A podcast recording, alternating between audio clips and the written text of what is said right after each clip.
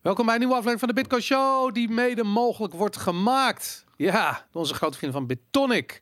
Nog wel, het loopt bijna af. En Daan belt me niet terug. Dus dan weet je het wel. It's the Bitcoin Show with our very special hosts, Aaron, Boris, and Jan Willem. Yay! Ja, Hallo. Jongens, de een 56. van de laatste afleveringen dus. Ik denk nee, van de laatste Ja. ja, het is crisis. Het is ook de coronatijd daar natuurlijk, hè. Anyway, daar. eh, Bitcoin Show nummer 56. Wie had dat gedacht dat we dit 56 afleveringen gaan volhouden? En dat Dit- hebben we gewoon nu al gedaan. Het is een Het nieuw wordt, de, record. het wordt de beste aflevering tot nu toe, Dit denk wordt ik. denk ik ook de beste aflevering. Zeker voor jou. Jij hebt er helemaal zin in, denk Ik hè? Dit wordt echt jouw week heb ik aflevering. er zin in. Ja, maar Elke. deze week helemaal, denk ik. Zo, jongens, ik heb er zin in. Ehm, nee, dat klinkt cynisch, maar ik heb er echt zin in. Ik, ik heb altijd verheug ik me op de woensdag. Dan zit ik in de auto en dan luister ik nog even een Bitcoin podcast of nog even Mm. check ik even wat nieuws of whatever voordat we beginnen. En eh, ik heb er altijd zin in. Ik vind het fantastisch. Maar goed, even huishoudelijk. www.debitcoinshow.nl. Ook, hè, Jan? Zeker. Ja, wij daarom. ja. ja, je ziet het niet, maar Jan die komt hier eh, echt op krukken binnen strompelen. Eh, omdat je meniscus eh, nog altijd gescheurd is, in gescheurde toestand zich bevindt. Ja, En, ehm, eh, maar dat laat je er, dat weerhoudt je er niet van om gewoon hier elke week Zeker aan te niet. schuiven. nee. Daarom, want Bitcoin gaat voor. Toch of niet? Ja, zeker. Ja? Ja, tuurlijk. Ja, Echt waar? Ja. ja, ja. Oké, ik, ik zeg alleen. Alles ik voor het grotere goed. Daarom, inderdaad. Goed, check www.debitcoinshow.nl eh voor onze teksten. Ehm, en eh, iedere keer als ik hier zit en dit voorlees, realiseer ik van, oh ja, shit, ik zou nog even die BTP-server, zodat mensen een bericht en dan met een tip en dan kunnen die berichten voorlezen. Dat is heel vet en dat lijkt me ook heel tof. En dan is het alweer een week later. Maar goed, dat ga ik dus doen. Dat beloof ik. Eh, we hebben Telegram-kanalen. Ehm, de meest intelligente bitcoiners vind je op t.me slash de Bitcoin Show. Eh, en we hebben ook nog een off-topic kanaal waar over andere dingen gepraat kan worden. Eh, je kunt ons volgen op Twitter, de Bitcoin Show. Terwijl ik mijn telefoon stilzet. Ehm, en als je dit kijkt op YouTube, vergeet niet, like en subscribe. Alleen samen kunnen we vechten tegen het monopolie van Google, van YouTube. Tegen de demonetisatie. Is dat een woord in het Nederlands? Demonetisatie? Demonetisering, denk ik. Demonetisering? Demonisering. Dat lijkt Demonisering is, Is wel zeker een woord, ja. maar... Zowel de demonisering als de demonetisering van de, van de Bitcoin Show moet gestopt worden. Like en subscribe op YouTube. Zo werkt dat, juist. Luisteraarsvragen hebben we niet. Maar ik heb wel een vraag aan jullie. Hebben jullie toevallig de eerste podcast van Joe Rogan geluisterd in Austin? Hij is verhuisd naar Austin. Ja. En eh, Adam Curry was de gast. Nee. Dat Ja. was- nee, zeker niet. Zeker wel. 100% zeker van niet. Oh, de eerste vanuit Austin dan? Ja. Oké, ik heb gewoon de eerste op Spotify geluisterd. Oh ja, nee, dat bedoel ik niet. De Oké, eerste dan hebben we het over een andere, ja. Die was gisteren. Adam Curry was de gast. En Right. Adam Curry is gewoon full-blown Ik heb de- bitcoiner Ik heb de geworden. clip gezien, ja. Ja, hij is, hij is gewoon Oh, ik helemaal de rabbit Ik hole moest wel even ingegaan. opzoeken wie Adam Curry was. Oh ja? Ja, nee, ik kende de naam wel half, maar jij kent hem goed, want hij is ook podcaster, toch? Of niet? Hij is de potvader. Hij De is de eerste, allereerste ja. podcaster. Ah, ja. oké, ja, Nou, nee, hij ik- is, ik ben groot fan van Adam Curry. Ik moest bekennen, ik kende de naam maar half. De naam zei me wel iets, maar ja, een beetje... Zat toch ook gewoon bij Veronica of zo in de jaren 90? Hij deed Countdown vroeger. En, Zoiets, ja. en toen heeft hij MTV.com Ah, geregistreerd. Ja. eh, als, eh, voordat MTV dat zelf heeft gedaan. Daar heeft Ah, hij ja. heel veel geld mee verdiend. Toen is hij helikopters gaan verhuren in New York, geloof ik. Ik weet het niet helemaal. Maar Ja. van het een kwam het ander. En nu woont hij in Texas. En doet hij dus... eh, de En, nou, en eh, ja, zo'n reality show had hij op een gegeven moment ook op Nederlandse tv, toch? Ja, het zou, volgens mij was ik toen al gestopt met tv kijken. Maar dat zou met Patricia Pai. Ja, precies, ja. Ja. dat zou kunnen inderdaad. Maar anyways, hij doet eh, de No Agenda podcast. eh, Mm. En eh, die is echt... Ja, ik, ik kan iedereen aanraden om gewoon de No Agenda podcast te Mm. Het is zo tof hoe cynisch en grappig zij omgaan met wat er allemaal in het nieuws gebeurt. Het is gewoon het zijn, ja, drie uur lang gewoon gezelligheid. Twee keer in de week doen ze dat ook. Het is echt veel tijd. Maar goed, hij was nu voor de tweede keer te gast bij Joe Rogan. En eh, ik vond het opvallend hoe ze elkaar een soort van liefdevol eh, verbaal aan het masseren waren. eh, drie uur lang. Het enige wat jammer was dat Joe Rogan volgens mij echt knetterlam was. Want er kwam serieus niet een normaal woord uit. En Adam die was echt bezig om, om te proberen Joe Rogan te redpillen met zijn kennis van het financieel systeem en van bitcoin. En wat er dat universal basic income er gaat komen en hoe dat gaat werken en wat Mhm. er met geld gaat gebeuren. Dat is echt super goed, weet je. Hij is, hij is echt geredpilled. En dat op de Joe Rogan. Ik bedoel, deze podcast krijgt, eh, weet ik veel, eh 5 miljoen eh, eh, views zometeen, weet je. Daar kijken miljoenen mensen naar. En ehm, ja, ik, ik, ik gewoon bij deze applaus voor. eh, eh, en ik moet je zeggen, ook veel van de, eh, wat ik weet uit betrouwbare bron, eh, veel van Adams en Bitcoin kennis komt bij eh, Dennis Parker vandaan, eh, goede vriend van eh, Adam Curry. Dus eh, het is allemaal heel erg dicht bij huis. Eh, dus ik waardeer dat. Eh, Adam Curry, als je luistert, eh, eh, niets dan liefde. Succes met de No Agenda podcast en met het verspreiden van het goede Bitcoin woord. Wat, wat mij opviel aan de clip is dat Maar hij, had toch een vraag? Oh ja, de vraag was of we hadden geluisterd. ja, dat Ja. hij eh, niet, niet wist wie eh, Andreas Antonopoulos was.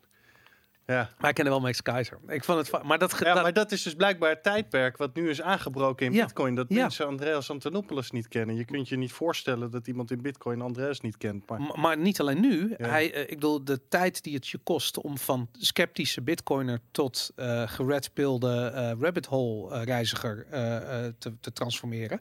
In die tijd heeft eh, Andreas Antonopoulos dus niet leren kennen. Terwijl, soort van toen ik ermee begon, eh, het was het was het enige wat er was. ongeveer het enige wat er was. Ja, Ja. het was echt het, het beste en het enige aan. Het is ook waar, als je nu eh, kijkt hoe ontzettend veel goede Bitcoin podcasts er zijn, waarin, en ik bedoel, shout-out naar Plan B, die met Jeff Booth, schrijver van de Price of Tomorrow, te gast was, en met Preston Pish. Ik bedoel, het- serieus, mijn Mhm. drie favoriete economische denkers waren samen te gast bij Pieter McCormack. Hm. Ik trek Pieter niet heel goed, maar, de, maar die podcast was fucking fantastisch. Ik zat gewoon te applaudisseren eh, in mijn autostoel terwijl ik dat zat te luisteren. Het was echt, ik raad iedereen aan dat te gaan. Het was zo'n ontzettend fantastisch verhaal over waar geld heen gaat en de rol die Bitcoin erin gaat spelen. En ik vind, weet je wat je altijd hebt? Als je, dat hebben jullie vast ook. Als je in gesprek raakt met iemand over Bitcoin, dan probeer je heel voorzichtig een beetje af te tasten waar iemand is, wat iemand weet, weet je, want je wil niet ze gelijk overladen met een of ander krankzinnig verhaal over eh,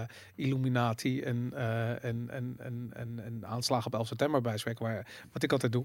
Maar je wil een beetje kijken van waar, waar, is, waar is iemand, weet je, in het, in het proces van wakker worden over geld. En ehm, op het moment dat bitcoiners eh daar doorheen zijn gebroken, dus dat je gewoon weet ongeveer wat je aan elkaar hebt en waar je staat, eh, dan krijg je opeens een fucking vet gesprek. En ik vind dat heel veel podcasts zijn vaak nog, die blijven een beetje hangen in soort van net zo rondom van oké, we weten dat we bitcoiners zijn, maar ja, inflatie of deflatie of eh, gaat de dollar dan echt weg als reserve currency? Weet je, een beetje dat soort beetje theoretische gesprekken. En dit, ze laten dit allemaal achter zich en gaan het gewoon keihard hebben over wat Plan B Phase 5 noemt. Die vijfde fase waarin, waar we vandaag natuurlijk ook weer eh, uitgebreid eh, eh, aandacht aan besteden in bepaalde nieuwsberichten. Maar die vijfde fase waarin je ziet dat Bitcoin een nieuw soort adoptie gaat doormaken. Daar zijn ze het allemaal over eens. En als ze dan met elkaar gaan filosoferen over wat er gaat gebeuren, ja, dat vind ik fantastisch. Dat hoor ik niet zo vaak. Dus ik, ja, ik vind dat super cool, man. Echt vet. Leuk. Waar ik, waar ik eventjes chillen. Gewoon even de podcast van de concurrent. Doe ik gewoon. Ja. Ja, Aaron, jij bent wel eens te gast geweest, toch? Bij Pieter McCormack. Ja. Werd dat goed beluisterd? Werd je herkend op straat de volgende dag? Ik weet niet of het goed werd, gelu- werd beluisterd. Nou ja, Ik heb ge- geen idee. daar ben ik dan bang voor dat zo'n goede podcast niet goed beluisterd wordt.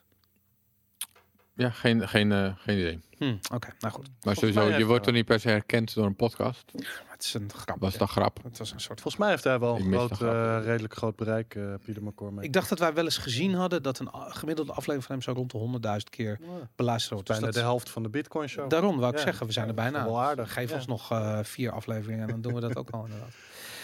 Jongens, een, ehm, Aaron en ik hebben ehm, twee, drie weken inmiddels weken geleden tien manieren om Bitcoin eh, te killen besproken. Mhm. Tien po- Twee weken geleden, denk ik. Twee weken geleden, ja. Twee Tien mogelijke scenario's die het einde van Bitcoin zouden kunnen betekenen.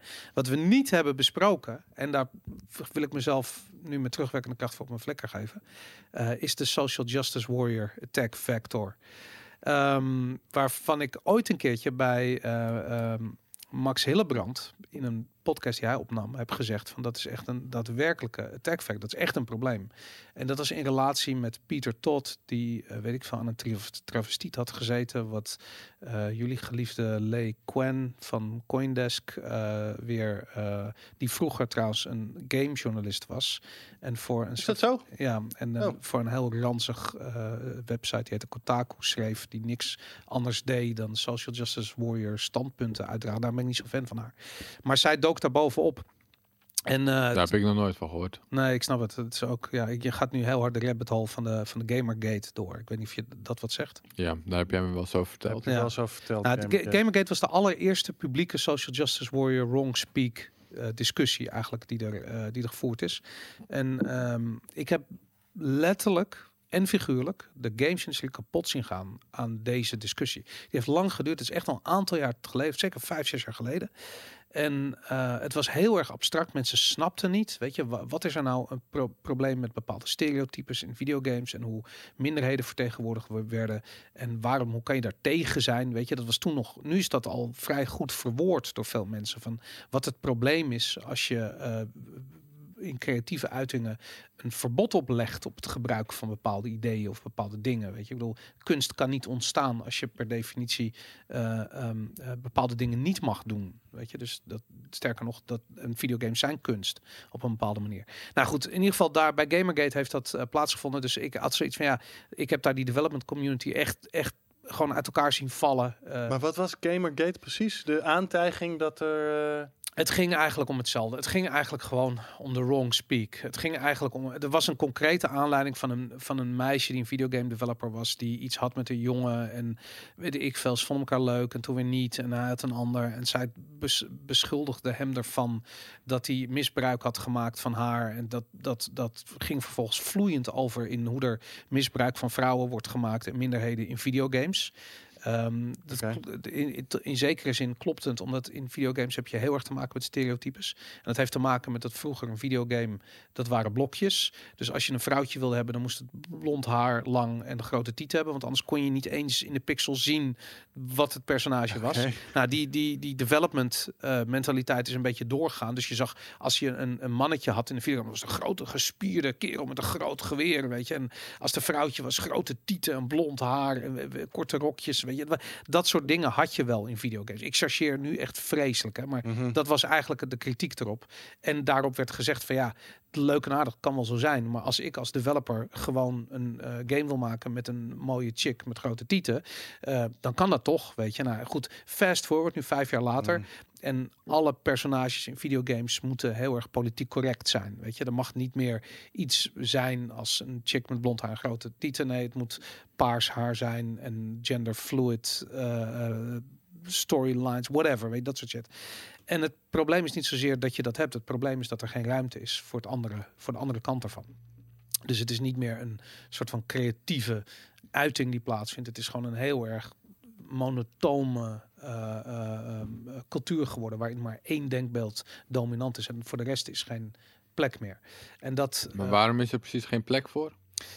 dat heeft ook te maken met dat videogames door teams gemaakt worden. Dat er Mhm. een bepaalde cultuur heerst binnen een team. En dat als je niet binnen die cultuur past, dan kan je vertrekken. En dat betekent maar dan kan je toch een team starten die dat anders doet? En dan zul je zien dat dat in de videogames-industrie helemaal geen, dat dat helemaal niet zo'n volwassen industrie is, waarbij je nog funding krijgt als je dat soort dingen doet, of aandacht krijgt in de media. Of Mm. eigenlijk eh, lukt het je gewoon in de praktijk niet. En dat is, eh, dat is best wel eh, zorgwekkend. En vooral omdat ik, ik wilde eigenlijk was bezig een brug te bouwen naar Bitcoin, want we hebben natuurlijk afgelopen week gezien dat eh, een dergelijke discussie geïntroduceerd werd in Bitcoin, doordat er een, een pull request was geplaatst. En dat is eigenlijk een. een Nou, hij was al drie maanden geleden geplaatst, hè? Oh ja, Hij is dat werd zo? nu pas opgemerkt, ja. Oké, hij werd nu pas opgemerkt en hij is ook uh, doorgevoerd. Wat een pull request is, is in feite, Aaron, als ik het verkeerd heb, verbeter me alsjeblieft, maar het is een soort verzoek om een aanpassing in de code. wat je op GitHub plaatst. En dat wordt dan door de maintainers doorgenomen en wel of niet ingevoerd in de uiteindelijke code die in de update zit. Ja, of een voorstel. hè. Ja, inderdaad. Nou, wat ik begrepen heb is dat eh, eh, iemand gezegd heeft van ja, het woord blacklist mag niet meer. Want daar zouden eh, mensen met een zwarte huidskleur wel eens ehm, emotionele schade van Nou, het was, ja, dat was dus ook niet helemaal duidelijk. Dit was, dit, zal ik het even, zal ik het even ja, kort ja, samenvatten? Er was drie maanden geleden kwam een anonieme contributor, Trend Z, met de pull request eh, voor Bitcoin om het woord blacklist naar blocklist te veranderen. Ja. Eh, het, wat, wat, wat is een blacklist? De, die blacklist eh, variable, waar gaat die over? Die komt twee keer voor in de code. En dat is eigenlijk op bepaalde karakters die niet ondersteund worden voor filenames. Dus Ja. de, de, de bepaalde karakters die je niet kan gebruiken. Ehm Trend C heeft hetzelfde gedaan eh, voor eh, Ethereum Clarity eh, Client. En dat Hm. zijn zijn enige contributies op GitHub tot nu toe geweest. Ja. Maar, nou goed, wij, ik zat er met Aaron en ik had het al over in de auto. Wat hij zei bij die pull request. Let's use a more appropriate and clear word and discard the usage of the term blacklist. Blocklist is clear and shall make everyone happy. Nou, er staat niet nadrukkelijk bij dat dit om eh, ja, een soort van Black Lives Matter-achtig eh, maar- actie gaat. Maar daar lijkt het wel Ja, een toch? beetje, een beetje op. Maar daar is de discussie al heel snel naartoe gegaan. Mhm. Ehm, en wat er nou uiteindelijk is eh, gebeurd, nou, er is een hele hoop of we hebben het zo over. Maar uiteindelijk is die binnen een dag geaccepteerd. Die pull request zonder heel veel eh, discussie. Dus dat is een van de, van de bezwaren die eh, mensen erop op hebben. Sindsdien is er drie da een, een, een week geleden ongeveer door Ferret, Ben Ferret heet hij geloof ik. Ja, eh, Ferret, denk ik. Ik denk dat het Frans, eh Mhm. ja, Canadees geloof ik, maar het zal wel Franse uitspraak zijn. Maar goed, die heeft eh, voorgesteld om, hè, dus het variabele heette file car blocklist, om die, toen is hij veranderd naar, sorry, hij heette file car ehm, blacklist, toen is hij veranderd naar file car blocklist, toen is de suggestie gedaan om die nu te veranderen naar file cars disallowed. En dat is een, eh, ja, vorige week eh, geaccepteerd of iets eh, dergelijks. Maar goed, Maar dat was nadat er oproer ontstond op Twitter, volgens mij, toch? Daarna kwam hij pas met die aanpassing. Er kwam Klopt, eerst ja, oproer ja, ja, en ja. daarna... Iemand heeft vorige week opgemerkt dat die pull request er zo snel doorheen is gegaan. En ik weet niet zeker wie het. Ik zag het als eerst bij Giacomo. Ik Ja, denk daar dat zag ik het, het ook als en, eerste. en dan zal iemand dat waarschijnlijk... Hij zal dat niet zelf hebben ontdekt. Dus Ja. iemand zal hem dat hebben verteld ergens eh, achter de schermen. En ik denk dat hij er toen, eh, dat hij toen de, de alarmbellen is gaan eh, rinkelen. ja. Ja. Wat, Volgens mij is het zo gegaan. Aaron, wat vind je van deze discussie? ik, weet, ik weet dat jij het soort van... Nou, dan gaan we het erover hebben ook, Ja, Boris. ja, laten we het nu gaan we het er gewoon eens een keer over hebben. Eh, Oké, laat ik. Ik ga eerst zeggen wat ik van dat hele so- social justice verhaal. En daarna ga ik. ehm, laten, laten we daar eens mee beginnen. Ja. Eh, maar daarna wil ik namelijk eh, advocaat van de duivel gaan Oké, ja. Oké. Dat hele social justice, die, die ideologie, die stroming, want zo kunnen we het wel noemen, denk ik. Mhm. Die is, de, die is, eh, die is evil. Die is kwaadaardig. Die is, daar, daar heb ik heel veel problemen mee. Ja. Omdat die mensen in, juist zelf, omdat die mensen in groepen categoriseren. Ja. Dus eh, dat, hè, dat is niet als positief racisme of zo. Nee, dat vind ik nog steeds racisme. Tuurlijk. Ehm, eh, te- ten eerste is het dus een moreel probleem. Eh, Ik bedoel dat, dat je dan een bepaalde positie niet mag hebben bij een bedrijf omdat je blank bent. Want dat gebeurt er dan, want ze willen een minderheid hebben. Nou, dat is racisme, dus daar heb ik een Ja. moreel probleem mee. Daarnaast is het een probleem voor de maatschappij at large. Eh, omdat wat jij wil in een maatschappij is dat de mensen die ergens het best in zijn, dat die op de plek zitten waar ze het best tot hun recht komen. Ja. Dat is voor iedereen het best. Dus als je een koekjesbakker. eh, we, we- ik hou erg van koekjes. Ja. Jullie ook? Nee, Zeker. Boris niet? Jij wel. Boris niet? nee, ik heb diabetes, man. Nou, Oh ja, nee, dan. Koekjes eh, zijn. Ik vind koekjes heerlijk. Oké. Dan, maar dan wil ik ook de beste koekjes. Ja. Dus ik wil dan dat degene die de koekjesfabriek bestuurt, dat moet de beste koekjesmaker zijn. Ja. Of als er een boord is die de koekjesfabriek bestuurt, dan wil ik dat de mensen die, dat, die daar het meest verstand van hebben, die moeten daar zitten. Ja. En dan maakt het mij totaal niet uit of ze blank of zwart of man of vrouw of lesbisch of eh, gehandicapt of... eh, Klinkt als racisme wat je nu zegt, hè? Nee, ik zeg juist dat het me dus niet uitmaakt. En ik snap dat je aan het trollen bent. Maar het maakt dus totaal niet uit wat ze zijn. Je zegt dus eigenlijk dat je wil gewoon niet dat... Nou, oké. ik- Ik wil, ik, wil, ja, ik wil dus dat de beste koekjesmaker er zit en dan maakt het me verder geen reet uit. Ja. Oké. Eh, de, de, omdat dat dus voor iedereen het best is, want dan kan iedereen de lekkerste koekjes Ja. eten. Oké, nou ja, wat je dus krijgt als je zegt dat er per se. En voor de duidelijke, we hebben dat dus in Nederland sinds kort in de wet. Hè, en daar stoor ik me dus, daar zal ik dat straks op komen. Maar dat vind ik dus het meest kwalijk dat we nu een wet hebben dat minstens een derde van een boord van een publiek Ja. bedrijf moet vrouw zijn. Ja. Dat, dus dan heb je niet per se de beste mensen op de beste plek. Want misschien zijn Ja. eh, de beste drie koekjesbakkers wel al drie man, dat kan. Mhm. En dan moet er toch een vrouw op de boord zitten die zich gaat bemoeien met hoe de koekjes worden gebakken. Ja. Terwijl dat misschien niet de beste is. Dan hebben we met z'n allen minder lekkere koekjes. Ja. Nou, dat vind ik niet leuk, want ik wil de lekkerste koekjes. Ja. Dus dat, dat is het kwalijke daaraan. Mhm. Daarnaast is het ook een heel erg onpraktische ideologie, omdat dan kun je dus, nou, we hebben nu net het eh, voorbeeld van vrouwen genoemd, dus dan moeten we per se een vrouw bij zitten. Mhm. Oké, maar nu kan iemand met een donkere huidskleur zeggen, ja, maar de, nu zijn er donkere mensen onder, ondervertegenwoordigd bij Ja. de koekjesbakken. Er moet ook iemand bij zitten die donker is. Of een combinatie van de twee. Precies. Maar er moet sowieso ook iemand bij zitten die donker is. Oké, nou, dan zit er iemand En bij. iemand die genderfluid is. Precies, en, dan, en dan krijg je daarna de, de, de biseksuelen of wat het ook is. Die zeggen, ja, maar nu zijn de biseksuelen ondervertegenwoordigd bij de koekjesbakkers. Ja. Ze moeten er ook een biseksueel bij.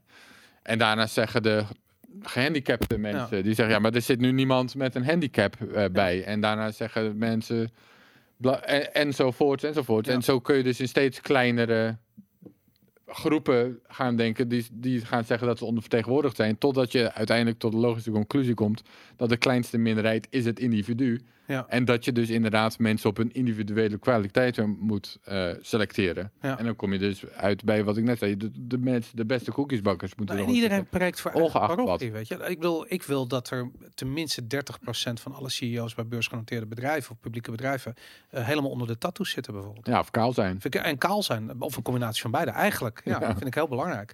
Hey, maar wat Maar, nou- maar, maar even eh, dan mijn laatste punt, en dat ik hinte er net al een beetje naar. Waar het mij dan nu wel vooral om gaat, waar ik zelf de grens trek, is ehm, het gaat om de, wat de staat. De staat moet zich er niet mee bemoeien, vind ik. Ja, Als jij een koekjesfabriek hebt, Ja. dan vind ik ook dat het jouw recht is om te zeggen: hé, hey, ik wil alleen nog maar tuurlijk. donkere mensen in dienst. Of ik wil dat minstens 30% donker is. Of ik wil dat mensen minstens Ja. 50% vrouw is. Of zo. Dat, als jij dat bedrijf hebt, dan dat is dan jouw recht als bedrijf, vind ik. Ja. Maar het wordt dus eng en vervelend als de staat zich ermee gaat bemoeien. Die gaat dan met geweld opleggen, uiteindelijk, want dat is wat de staat in Ja. essentie... Uit, Iets anders kunnen ze niet. Ze hebben geen Precies, andere dat is uiteindelijk waar de staat, wat de staat is. Ja. Dan gaan ze op basis van geweld dus racisme toepassen. Of, Ja. of seksisme, of wat het dan is. Dat, dus, daar, dus, dus dat hele social justice warrior. En laatst vroeg je er dus naar van, wat vind jij ervan? En daarom zeg ik, kijk, daarom zei ik, mijn antwoord was toen, ja, ik negeer het. Mhm. En dat was omdat op dat moment bemoeid, dus bemoeide de staat zich er niet mee. Ja. Dus de, het ging toen om de editorial van de board van de New York Times of zoiets. Daar Ja, was ja. iemand afgetreden. En dat was omdat publieke pressure of iets. Mhm. Maar de staat heeft zich er mee- niet mee bemoeid. En denk, ja, dat is dan hun zwakte. Ja. Ze kunnen het ook gewoon negeren. En volgens mij is dat ook een heel goede manier om ermee om te gaan. Zolang het niet wordt afgedwongen door de staat, negeer het. Dat, want als je dus eh, het tegenovergestelde gaat doen, ja, dan maak je het ook weer groter. En Ja. je kunt het gewoon negeren, volgens mij, over het algemeen. En dan als je advocaat van de duivel gaat spelen. Want dat, Oké, ja, dan ga ik dus nu over deze pull request hebben Ja. dan even. Maar mag, mogen we even eerst op deze Ja, discussie in het algemeen? Ja, Want wat als nu, want dat eh, om even advocaat van de duivel te spelen. Ik zeg niet per Dat se eh, dat ik dit... Dat was ik net van Ja, plan, ik, ik dan ga je nu de advocaat van de advocaat ga van de je Ik ga duivel. nu de advocaat van de advocaat van de duivel. Stel, eh, ik, eh, het argument wat sommige mensen zouden maken is dat, eh, ja, in principe mee eens, eh, de beste eh, koekjesbakkers moeten, moeten aan het roer staan. Alleen het probleem is dat in het algemeen in onze maatschappij de selectieprocedures eh, zo verstoord zijn dat ze helemaal niet de beste koekje, koekjesbakkers eh, selecteren. En dat Mhm. er eigenlijk een groot goed is, daar hebben we het ook toen met corona over gehad, het feit dat er een diversiteit van standpunten is. Maar die diversiteit die komt er niet, omdat eh, de selectieprocedures eh, verstoord zijn. Mhm. En daarom moeten deze maatregelen genomen worden. Hoe zou je daarop, eh, hoe, ja, wat zou jouw reactie daarop zijn? Ja, dus het mooie van een markt is dat... Oké, dus wat zijn dan de beste koekjes? Dat, dat moet je dan bepalen. Nou, dan, dat bepaalt dus de markt. De, de mensen die koekjes kopen, dat is het mooie van de markt. Die, die heeft een mechanisme om dat te bepalen. Ik koop de koekjes die ik het lekkerst vind. En dat doet iedereen. En op die Mhm. manier, de koekjes die het lekkerst zijn, die worden dus het best verkocht. Oké, als je dus een koekjesbakker, als je dus een koekjesfabriek hebt die, eh, zoals jij zegt, op basis van er is geen goede selectie om de, de beste koekjesbakkers op de goede plek te krijgen en er is sprake van patriarchie of zo. En daardoor zitten er alleen maar mannen, terwijl het eigenlijk helemaal niet de beste koekjesbakker zijn. Nou, het mooie van een vrije markt is dan dat degene die daadwerkelijk de beste koekjesbakkers zijn, en dat zijn dan dus blijkbaar vrouwen die niet eh, bij, eh, aan, aan de top konden komen bij het koekjesbakkersbedrijf, die kunnen een nieuw koekjesbakkersbedrijf beginnen en nieuwe koekjes op de markt brengen. En dan kunnen wij met z'n allen bepalen, hey, die koekjes zijn eigenlijk veel lekkerder, wat ze zijn, want dat zijn de betere koekenbakkers. En op die manier zal dat bedrijf floreren. En dat bedrijf dat dus geen goede selectieprocedure heeft om de beste koekjesbakkers aan de top te krijgen, dat zal failliet gaan. Dat zal weggeconcurreerd worden. Dus de markt lost dat op. Behalve Ik volgens mij- je, ik snap je antwoord, maar ik denk dat de meeste mensen als reactie, eh, tenminste die dat denken, zouden geven. eh, leuk verhaal, maar in de praktijk zien we dat niet gebeuren. Maar en daar ben, is- daar, ja, daar ben ik het mee eens. Ik zal je een voorbeeld ja, nou ja, geven. dan, ja, oké. Stel je voor dat, die, eh, eh, dat de overheid zegt, dat is leuk en aardig dat jullie allemaal koekjesfabrieken willen beginnen. Maar vanaf nu moet een koekjesfabriek moet een, een licentie aanvragen, zich registreren bij de Nederlandse bank. En een licentie aanvragen. En eh, eh, pas dan krijg je van ons toestemming. En dat is heel, dat kost ook nog eens een keertje 50.000 euro minimaal. En je moet allemaal KYC-procedures doormaken voordat je die koekjes mag maken. En dan pas mag je dat eh, bedrijf beginnen. En da- dat vind ik interessant, want dat is namelijk een dynamiek waar je heel, want ik ben nu ook advocaat van, we zijn nu allemaal advocaat van Douwe. Het is een heel moeilijke dynamiek om dat door, te doorbreken. Dat is namelijk gewoon eh, de bureaucratie van de overheid. En dat is, een, eh, dat is iets wat in principe de vrije markt, niets is zo vijandig naar de vrije markt als bureaucratie. En je eh, ziet dan op dat ogenblik dat die hele social justice warrior beweging heel effectief is in het stuk maken van die bureaucratie. Want als zij zeggen, zie je wel, eh, als vrouwen of minderheden of wat dan ook een koekjesfabriek willen beginnen, dan kan dat niet, want ze moeten zich registreren bij de DNB. Dus je ziet dat die, die regelgeving heel duidelijk functioneert om de koekjesmarkt af te schermen, zodat alleen eh, eh, het, het, het Old Boys netwerk kan profiteren van de koekjesmarkt en je er gewoon niet bij komt als beginnende koekjesbakker. Nou ja, dus bemoeienis van de staat, dat, dat, daar, daar, dat verwerp ik dus ook. Want dan Ja. kan je inderdaad de, de, die distortie juist krijgen. En dat zie je van, daardoor krijg je opeens een, een slaat het, en die, wat ik al zeg, die social justice eh, eh, activisten zijn heel goed in het aanpakken, in het doorbreken van die dynamiek. Omdat ze zeggen van kijk eens, we hebben een ondervertegenwoordigde doelgroep. Die lijden zwaar onder het feit, jullie zijn schuldig, jullie hebben het gedaan. Dat zijn slachtoffers. Dat is de dynamiek van de discussie. Ehm, en daarmee zijn ze blijkbaar in staat om gewoon eh, bureaucratie te doorbreken. En dat is eh, in mijn ogen, als je advocaat van duivel wil spelen, een, een vrij effectieve methode om bureaucratie te lijf te gaan. Maar, zijn ze dat aan doen, eh, bureaucratie te lijf gaan? Nou ja, dat is dus Ik- wat je ziet. bij Zover heb ik eh, Nou ja, dat zou een voorbeeld kunnen zijn. soort Dat- duidelijke standpunten heb ik nog niet. Maar dat zou een concreet voorstel zijn, Nou, dat is- namelijk voor iets. Dat heb ik nog niet. Aaron zegt dat net, gehoord, dat ja. eh, publieke bedrijven 30% eh, van hun top moet uit vrouwen bestaan. Dat is dus een voorbeeld. Nee, maar ik bedoel vanuit de protestbewegingen en zo. Dat bedoel ik. Nee, ja, absoluut. Dat zie je bij de universiteiten in Amerika. Weet je, er moet een diversity hoogleraar zijn en een gender studies hoogleraar en eh, weet ik veel. En die moeten Ja. aan alle, eh, hoe meer, eh, hoe noem je het, minderheden vinkjes Ja, aanvinken, hoe beter. ja, weet je, dus ja, ja. je ziet dat dat daar gebeurt. Wat het resultaat daarvan is, daar heb ik grote vraagtekens bij. Maar dat ze in staat zijn om bureaucratie te doorbreken, dat kan je ze bijna niet eh, ontzeggen. Nee, Nou ja, en wat ze natuurlijk hebben, wat, wat je vaak ziet bij die groepen, is dat ze, ze hebben het niet zo hoog zitten. Of ze hebben, ze respecteren vrijheid van meningsuiting niet bepaald. Hè, dus dat proberen ze op allerlei manieren. Iemand die de verkeerde. Oké, dus ik. Om even dan door te gaan op wat jij. Dus dat argument dat, dat jij net gaf als advocaat van Duivel, denk ik. Dat, eh, dat, dat komt er vaak op neer dat ze zeggen, ja, maar kijk maar naar de realiteit. Het zijn bijna alleen maar mannen die aan de top zitten overal. Dus blijkbaar gaat er iets niet goed. Oké, als je dat dan bijvoorbeeld zou proberen te verklaren door te zeggen, ja, maar misschien, misschien is het zo dat mannen eh, biologisch gezien Mhm. anders in het leven staan dan vrouwen en meer bereid zijn op te geven om aan zo'n top te komen of hè, zoiets. Zo'n idee alleen al, dat wordt dan door die social justice warriors gezien als iets. Dan ben je nazi als je Ja, dan ben je fascistisch als je Ja. zoiets zou willen uitspreken. Of als je het überhaupt zou willen opwerpen als optie of als we zou willen discussiëren. En dan komen ze dus met z'n allen demonstreren. De- Als er zo iemand op een universiteit wil spreken of zo, dan komen ze dat met z'n allen demonstreren, blokkeren, komen ze met gastoeters. Ja. Nee, dat is op dat moment ben je vrijheid van meningsuiting echt aan dwarsbomen.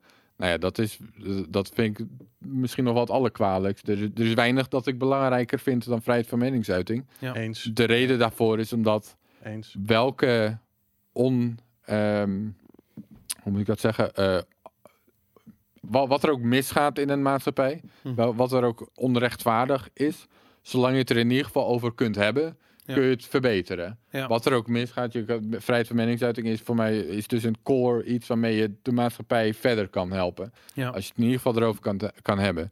En zij zien dat blijkbaar als iets kwalijks. Dat als je bepaalde ideeën die zijn zo kwalijk dat je het er helemaal niet over mag hebben. En dat moet helemaal worden. Ja. eh, ja.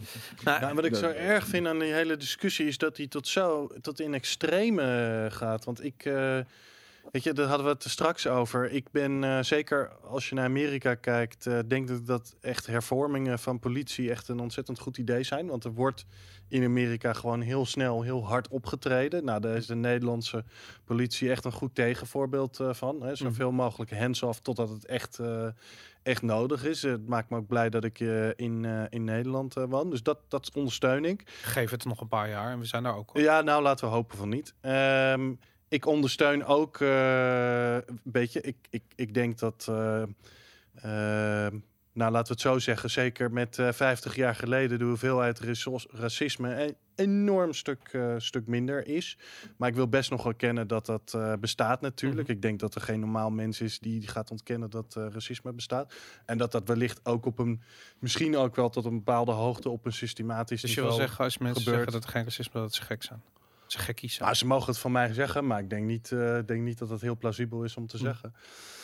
Ehm, dus weet je, dat soort motief, daar, daar kun je best wel een beetje, beetje achter eh, gaan staan. Maar het, het- ja, er worden nu in- tot in extremiteit eh, wordt, er, eh, wordt er gegaan met sommige van de uitspraken die je ziet. Hè. I- iedere blanke persoon moet per definitie racistisch zijn, of iedere persoon is per definitie Ja, racistisch. ja.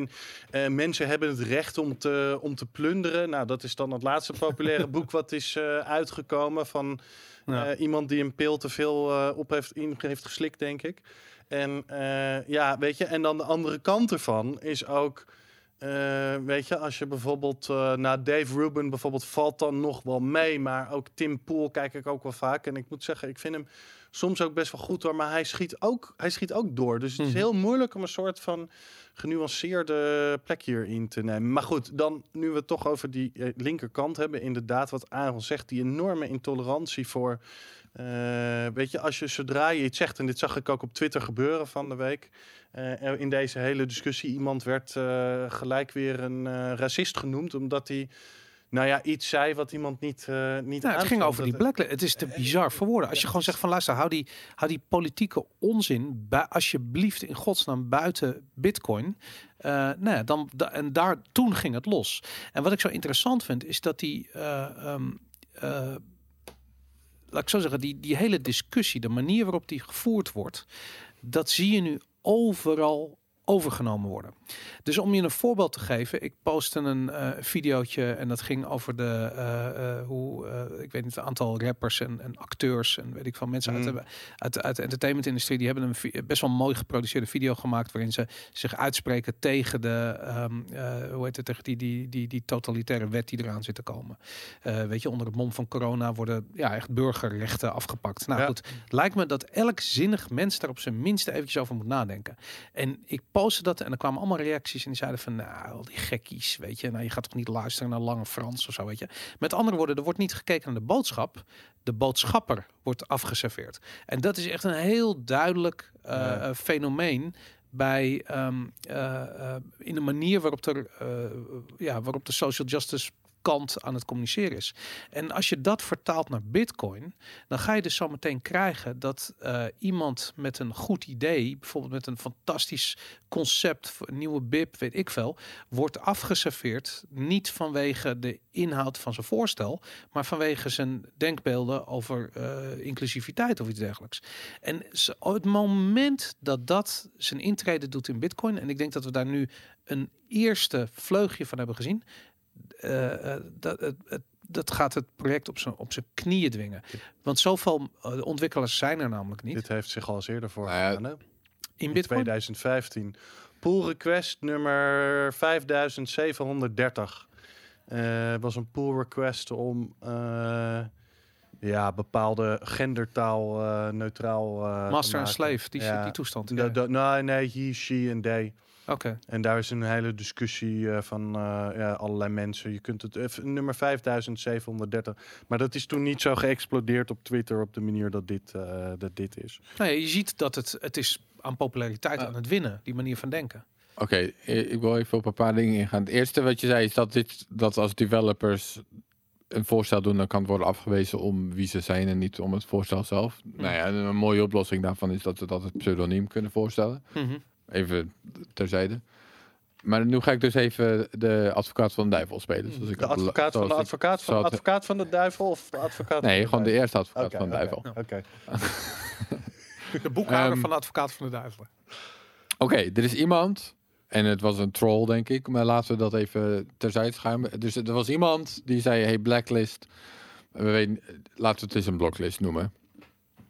Maar een andere waren een paar developers die keken daarnaar en dachten, ja, waarom niet? We noemen het blocklist, fijn. Mhm. Drie maanden gaan voorbij, niemand geeft een fuck, niemand heeft het überhaupt door.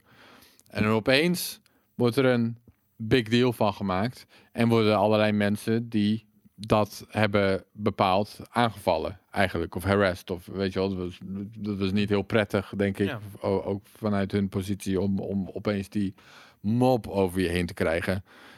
Oh ja, maar wie is nu eigenlijk wie, wiens speech aan het controlen hier? Ja. Want als we daar, als we dat vervelend vinden van de social justice warriors, kijk, dan moet je ook mensen vrij laten om blocklist te zeggen als ze dat willen. Je moet niet mensen gaan verplichten om blacklist te zeggen. Ja. En als ze daar zin in hadden op dat moment, eh, en, en er was niemand toen die daar echt iets tegenin bracht. Ik bedoel, what's the big deal either way, zeg maar. Wel, Ja. Ik bedoel, je kan het ook laten varen en dan... Nou ja, maar ik denk dat het. eh, daar moet ik dan toch wel een beetje.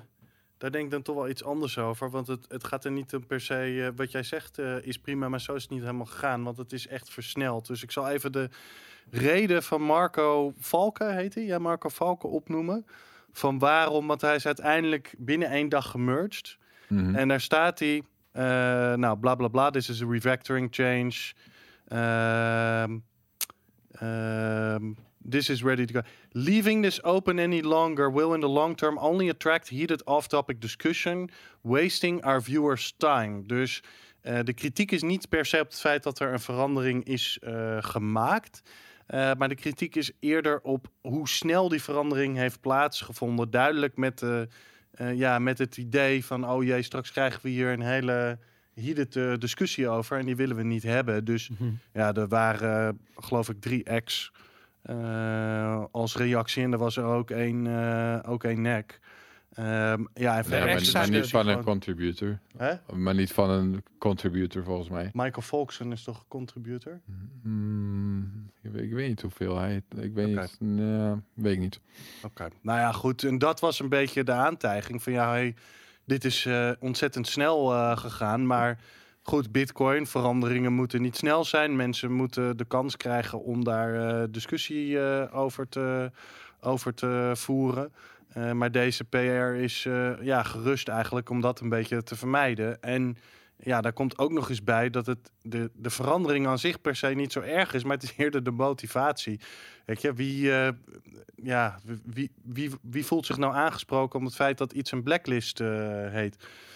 Dus dat, dat is een beetje waar het om ging. En daar, daar kan ik me wel iets eh, bij voorstellen. Want de verandering aan zich is op zich wel eh, oké. want heel veel mensen waren er mee eens dat het woord blacklist niet een, niet een hele goede term voor was. Sowieso blocklist Maar het- ook niet. Maar, Maar kijk, de, de- de- het, het probleem is denk ik van je, je, dit, deze hele discussie speelt op twee niveaus. Aan de ene kant heb je de, gewoon de technische implementatie van het woord, van het ene woord versus het andere woord. Lekker belangrijk. Weet je, echt lekker belangrijk. Waar het om gaat is de, het effect van de introductie van politiek geladen standpunten in eh, de Bitcoin community. Ja, en daarvan maar- zie je het effect direct. Want het is direct een gillende, schreeuwende eh, bende op Twitter geworden van mensen die Ja. zeggen dan wat ene dan wat andere standpunt aanhangen en elkaar gewoon in de haren vliegen daarover. Ja. En, da en Maar- daarvan zie je het effect. Maar dat is dus de vraag. In hoeverre is zoiets nou een slippery slope of niet? Dat is, daar, daar gaat de, Daar de, gaat de, het. de argument dan eigenlijk over. Dat de ene groep zegt dit is een slippery slope. En als je dit doet, dan volgende week worden er transacties eh, getaxt om, eh, om, om ten, ten voordele van eh, biseksuele zwarte. Ja, maar ik weet, ik veel. Ik kan je vertellen waar het eindigt namelijk. Dat is namelijk waar het bij de gamesindustrie eindigde. En dat is dat bepaalde developers op een gegeven moment door de community eruit getrapt worden. Omdat ze niet voldoen aan de right speak. Of, of dat ze juist de wrong speak toepassen. En dat die term uit 1984 is precies, die be- beschrijft precies wat er aan de hand is. Als jij op een of andere manier eruit getrokken wordt en gezegd van kijk eens wat deze persoon gedaan heeft, dan is je carrière voorbij. En dat eh, Ja, maar dat geldt nu dus ook andersom, toch? Want nu wordt dat dus gezegd van. Wie was het? Marco Falco of, of John Newberry? Of daar wordt dat nu. Ik dat is dan toch hetzelfde gebeurt nu van de andere uiterste, zeg maar. Ik denk het niet. Ik, ik denk niet dat het je. Mm. Om je een voorbeeld te geven, je ziet de, de, de, de, dus dat is waar de cancel culture eh, zijn intrede doet. We hebben bijvoorbeeld een prachtig voorbeeld was, eh, eh, hoe heet het, ehm, eh, Louis C.K., die comedian, Ja. die eh, eh, eh, zijn, eh, ehm, eh, zijn jonge heer eruit flapte, blijkbaar bij twee dames die dat in eerste instantie niet erg vonden en achteraf dachten van ja, eigenlijk best wel ongepast dat hij dat gedaan heeft. En eh, Oh, vervolgens. dat eh, ken ik niet. oh ja, nou, oh, hij, ja, wel eens gehoord. hij kan serieus, hij kan niet Ja. meer optreden. Zijn film die Hij al klaar was, is gecanceld. En niet alleen hij, iedereen in zijn omgeving. eh, alle, al zijn bevrienden, zijn collega's die eigenlijk in zijn succes mee zijn opgekomen, zijn allemaal, konden allemaal vertrekken. En Nou, hij eh, is weer terug, hè? Ja, ik Louis hoop het voor hem, want ik ben een groot fan van Louis C.K. Ja, Dus, ja, eh, sincerely. Hij heeft weer een nieuwe eh, special. oh ja, oké, nou, het is super cool. Maar, oké. Maar goed, dat, dat, is, dat, dat- dat was een goed voorbeeld van hoe die cancel culture eigenlijk om iets. Ik bedoel, dude, in de jaren 80, 90, rock and roll, weet je. Ik bedoel, ik denk dat je er niet bij hoorde als je niet elke vijf minuten eh, eh, je jonge heer eruit trok om even een de- helikopter te doen. Even voor de hij, hij vroeg ook of het mocht hè, aan die vrouwen. ja, daarom. Het is niet alsof hij het zomaar deed. Nee, hij vroeg- vroeg, vinden jullie dat goed als ik me... Ik weet niet, maar ik weet of je de, de Red Hot Chili Peppers documentaire hebt gezien waar Flea de helikopter doet. Dat ik denk van hij vroeg niet of ik het als kijker gepast vond dat hij naar een helikopter stond te doen.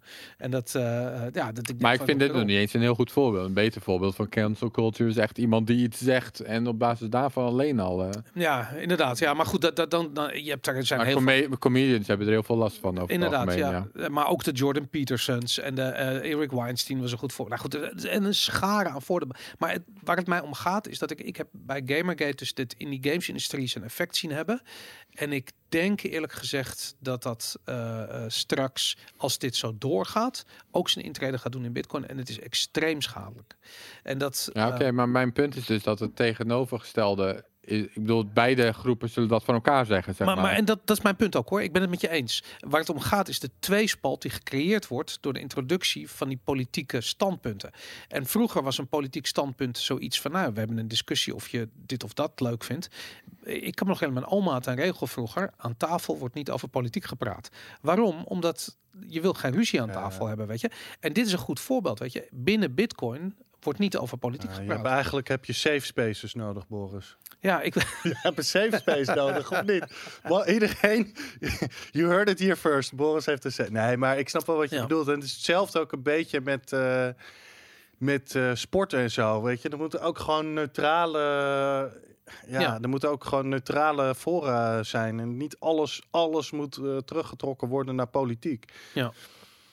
Maar goed, eh, ja, weet je, ik maak me wel nu ernstig zorgen over eh, Amerika. Oké, maar- Want eh, alle, wacht even, want alle, die, die hebt eigenlijk nu, want het, nou, er loopt best wel wat dingen uit de hand. Mhm. En eh, ja, je hebt dan eigenlijk een goed leider nodig die mensen daarin kan sturen. Nou, en dat is zowel en Biden en Trump niet. Zowel Ja. als op lokaal niveau heb je ze ook niet. Dus het is eigenlijk niemand die daarop staat en probeert Ja. hier op een gebalanceerde manier mee om te gaan. nee, Dus sterker dit nog. gaat waarschijnlijk alleen maar Zowel. Biden en Trump zijn een, zijn een, zijn een product van eh, die tweespalt, van die, van die polarisering die natuurlijk al lang geleden is eh, begonnen. En zij zijn allebei eh, niet in staat om dat te overbruggen. Ik denk inderdaad dat het nog wel eventjes duurt. En het wordt nog veel erger voordat iemand in staat is om het überhaupt te overbruggen. En- Maar wat eh, de- je, je zegt, ik zie hetzelfde straks gebeuren bij Bitcoin als bij Gamergate. En dan, wat, is, waarbij, wat zijn de gevolgen daarvan? Waar, ben je, waar maak je je zorgen over? Of- dat er voor een bepaalde groep eh, ehm, eh, ontwikkelaars geen ruimte meer is bij Bitcoin. En dan? is het project, d- wordt het project grote schaal aange... En zeker de kracht en de development kracht, de, de community. ehm, ja, dat gaat allemaal een bepaalde kant op. Ehm, moeilijk om te zeggen waar het zich precies in gaat uiten. Maar bij videogames hebben we dus volgens een soort eenheidsworst gekregen van producten. Nou, je, het zou zomaar kunnen dat je dat straks ook eh, rondom de Bitcoin Development Maar Community. zou het zich kunnen uiten in de prijs om iets te noemen? Nou, het zou, het zou het project zwakker kunnen maken. Het is een, het is een attack vector die de community uit elkaar drijft. Eh, we hebben al een keertje gezien, bijvoorbeeld in 2016, wat er gebeurt als de community uit elkaar wordt gedreven. Gelukkig is het goed gekomen, maar het was wel degelijk het grootste, eh, de grootste aanval die Bitcoin ooit te verduren heeft gehad. Dus Mhm. als de volgende keer eh, wel succesvol is, stel je voor dat je straks zegt van nou de, de, deze fork van stel je voor dat, dat, de, dat de, de ene kant van het verhaal die forkt Bitcoin naar iets anders toe. En, en dit is niet een fork van één gek die, die dit project meeneemt. Nee, dit is letterlijk de halve community die letterlijk 50-50 uit elkaar eh, splijt. Mhm. Waarbij de helft van de core developers een, eh, eh, een, een soort van politiek correcte coin, doen, de andere helft doet een apolitiek correcte coin of iets dergelijks. Mhm. Ehm, dat is gewoon een attack vector. Dat is gewoon, ja, dat zou de prijs kunnen schaden. Oké, maar ik heb dus bijvoorbeeld, ik zag laatst een model, Ja. dat heet het stock-to-flow model. Oh ja, dat heb ik gehoord. Ja. En daar zit een lijntje en die voorspelt de toekomst. En daar staat dat het helemaal niet uitmaakt wat er allemaal voor context gebeurt. Het voorspelt niet. Ja, sorry, ik wil dat punt gewoon even maken. Want dat is het punt wat ik eerder maakte. Dat de context maakt uit. Ja. En daarom stoort dat mode- model me een beetje. Want het doet alsof niks. maar het is maar geen enige- het gaat. Het, is alleen een maar over- onderbouwing. Het is een onderbouwing. Niet, Ja, maar dat ja. Weet je, het is- goed, maar maar- eh, vind ik het dus een zwakke onderbouwing. Oké, maar dat is een zij, zijspoor. Ja, Ehm, kijk, wat natuurlijk zou kunnen, je had het net over een fork, maar dat zou op zich wel een mooie oplossing zijn, toch? Doe maar gewoon een fork. Eentje die zegt blacklist, eentje zegt blocklist. Die zijn toch met elkaar compatible, maakt geen reet uit. Iedereen blij. Zou ik nog kunnen, toch? ik denk het niet. Dat wordt 2016 nog een keertje. Maar het is met elkaar compatible. Het Ja, het zou dus, het zou de, dan zou Totdat het, het dat niet meer is. ja, dan zou het dus verder, eh, dan zou het inderdaad die slippery slope moeten uitwerken en dat op een bepaalde manier Ja. bepaalde transacties niet meer mogen of getekst En worden. op Google dat- en dat- dat- Twitter en al die, die, die Silicon Valley bedrijven accepteren alleen nog maar de social justice coin. En die willen niet meer de, eh, de, de freedom coin hebben en whatever. je gaat die shit gewoon krijgen. Goed, Anyways. Ja, ik vind, ja, nou ja, goed, ja. Eh. Ik bedoel, dat is dan de vraag van, eh, is, is die slippery slope wel echt zo slippery? En, en, en dat, dat eh, ja, ik, ik laat ik er Nou, ik geen heb een uitspraak slippery over slope doen. model ontwikkeld. Die wil ik, eh, wil ik even presenteren. Het is geen toekomstvoorspelling. Maar eh, dat slippery slope model, dat voorspelt dus dat bitcoin inderdaad geforkt wordt door de social justice warriors. Dat het uiteindelijk niet zal slagen hoor, want de vrijheidslievende ontwikkelaars zijn in de meerderheid. Maar toch, het, er zullen een aantal belangrijke mensen bitcoin, eh, die zullen verloren gaan. En dat Nou het hele idee van Bitcoin is juist dat het socially scalable is. En dat wil dus zeggen dat het, dat het protocol neutraal moet zijn. En Ja. dus niet dat, ik bedoel, als je dit soort dingen erin gaat verwerken, dan, dan krijg je dus dat groepen dat met elkaar oneens gaan worden. Terwijl Ja. als je zegt, dit is protocol en die verandert niks aan en dit is wat het is en er wordt niet gecensureerd en er wordt niet... Dan, dat is de enige manier waarop je het socially scalable kan krijgen. Ja. Dus het lijkt me dat dat ook de enige is die kan, die succes kan hebben. En in deze fase lijkt me dat logisch om te denken. Maar dat had hetzelfde had ik pak een beetje zes jaar geleden in videogames. En als ik nu het resultaat zie, dan heb ik zoiets van Jesus, dat is heftig, weet je. En datzelfde kan gewoon gebeuren eh, met Bitcoin. En het is, het ik zeg niet dat gaat gebeuren, net als de tien scenario's die we twee weken geleden besproken hebben, weet je. Ik zeg ook niet dat er morgen een IMP-aanval komt op de aarde, waardoor al ons internet weg, whatever, weet je. Ik bedoel, het waren gewoon, dit is een scenario waarvan ik zoiets heb, ja, die hebben we toen niet gesproken, besproken. Het zit in de pijplijn. We zien eh, het effect ervan. Het is explosief materiaal. En eh, als niet iedereen zich heel erg bewust ervan is dat dit daadwerkelijk een attack is, eh, dan denk ik dat het nog veel meer schade gaat doen. Nou, dat was eigenlijk mijn punt. Hey, maar wij zouden hier als Nederlanders qua Engelse taal gewoon heel hard in mee moeten doen natuurlijk. De zwarte lijst. Nee, want wij hebben in de 16e en 17e eeuw, toen eh, Nederland en Engeland met elkaar heel veel oorlogen hebben gehad, toen hebben de Engelsen allerlei hele slechte dingen eh, verzonnen die eh, aan Nederland gerelateerd zijn. Dus de uitdrukking Dutch uncle bijvoorbeeld. Oké, ken ik Of Dutch courage. Dutch courage als iemand heel totaal niet helfhaftig is. En Dutch uncle is als iemand een, ja, heel, erg vreemd, heel erg vreemd is en niet, niet helemaal lekker is. En zo is een hele lijst van, on- van echt eh, op bijna van 100 uitdrukkingen of niet meer eh, over alles wat Nederlands is, wat gewoon met slecht geassocieerd wordt. Ja. Nou, Nee, dat lijkt mij toch dat wij, eh, dat, dat- wij daar als Nederlander toch ook wel een recht hebben om iets van de Engelse taal te vinden, toch? Of niet? Ja, absoluut. Ik, ik heb dus ook moeite met de term white paper. Ik voel me daar toch gewoon als... Ik vind, ik vind dat het een privilege paper moet worden. Ja, ja Maar ik vraag mij af, hè, dat, dat, was een, eh, dat is wel een interessantere vraag. Want er wordt, kijk, ik, ik, maar, misschien dat er inderdaad mensen. Kijk, je hebt bijvoorbeeld ook de term whitewashing op Twitter. Hm. En whitewashing betekent eh, iets, eh, onge- iets proberen te verbergen wat je hebt Ja, gezegd. witwassen. Ja, dus het is eigenlijk eh, geniepig en, en slecht. Maar ik heb me daar nog, nog nooit door de term whitewashing offended Omdat eh, wij het woord Ik wel. belang- Ik wij vind gebruiken witwassen mag voor mij wel uit het lexicon verdwijnen. Ja? En, uit, en uit de wet. En uit, eh, Opwassen. nee, gewoon weg met het hele concept. Witwassen. Ja, sowieso. Dat, daar in ieder geval in, uit het wetboek. In, eh, ja. empirisch ben ik dan benieuwd, hè, met dit soort termen, als we het over blacklisting eh en zo hebben, zijn er nou echt serieus zoveel mensen die daardoor offended? Nee, natuurlijk Zijn- niet. Nee, wel, nee, maar het was, ook een, het was ook een troll. Het was een nog- Ja, maar die hele nee, nee, shit, nee. die hele beweging is een troll, trollenbeweging. Om een, Ja, om, was het maar zo. om een Nou, socialistisch denk ik. agendapunten doorheen te... Maar goed. Zullen we doorgaan met het volgende? We zijn al 50 minuten bezig met, eh, met social justice eh, warriors. Nou ja, we- Dus- dat hebben we nog niet eens genoemd, maar daar, dat kunnen we inderdaad vaststellen dat het, het woord blacklist, dat heeft nooit iets met rassen te maken gehad. Ik bedoel, dat- ja. Volgens mij niet, maar nee, wel nee joh, dat heeft te maken met licht en donker. Nee, maar het gaat erom dat mensen zich misschien wel offended kunnen voelen. Ja, dat snap ik inderdaad. Ja. Maar dat, daarom is het, ik bedoel, dat woord heeft natuurlijk helemaal geen in origine niks daarmee Nee. te maken. Nee, dat maakt het des te bizarder. Precies. Goed, laten we het hebben over Kazachstan, jongens. Ehm Kazachstan heeft aangekondigd 700 miljoen Amerikaanse dollars uit te zullen geven aan het opzetten van miningfaciliteiten in Kazachstan. En ehm, het interessante is dat, en volgens mij hebben we het daar heel lang geleden al een keertje over gehad. Ik had ooit het idee eh, dat Bitcoin een aantal fases doormaakt. En daar hebben we het ook al in het verleden over gehad. En een van die fases is dat Bitcoin op een gegeven moment politiek wordt. Nadat het zo- zo'n zijn economische fase heeft doorlopen en het echt een financial asset is geworden, dan krijgt het een soort van politieke eh waardeaspecten. En eh, waarom zou het dat krijgen? Omdat zodra landen Bitcoin op de balans gaan zetten, eh, ze automatisch moeten gaan minen. Want je wil een kluis bouwen rondom je goudreserves. Die ga je ook niet zomaar ergens in een weiland neerleggen. Nou, dus het maakt sens om te gaan minen, gewoon om een steek te hebben in de, in de, in de, in de pool, in de, in de pool van hash power, zodat je ja, mee kunt doen in het veilig houden daarvan.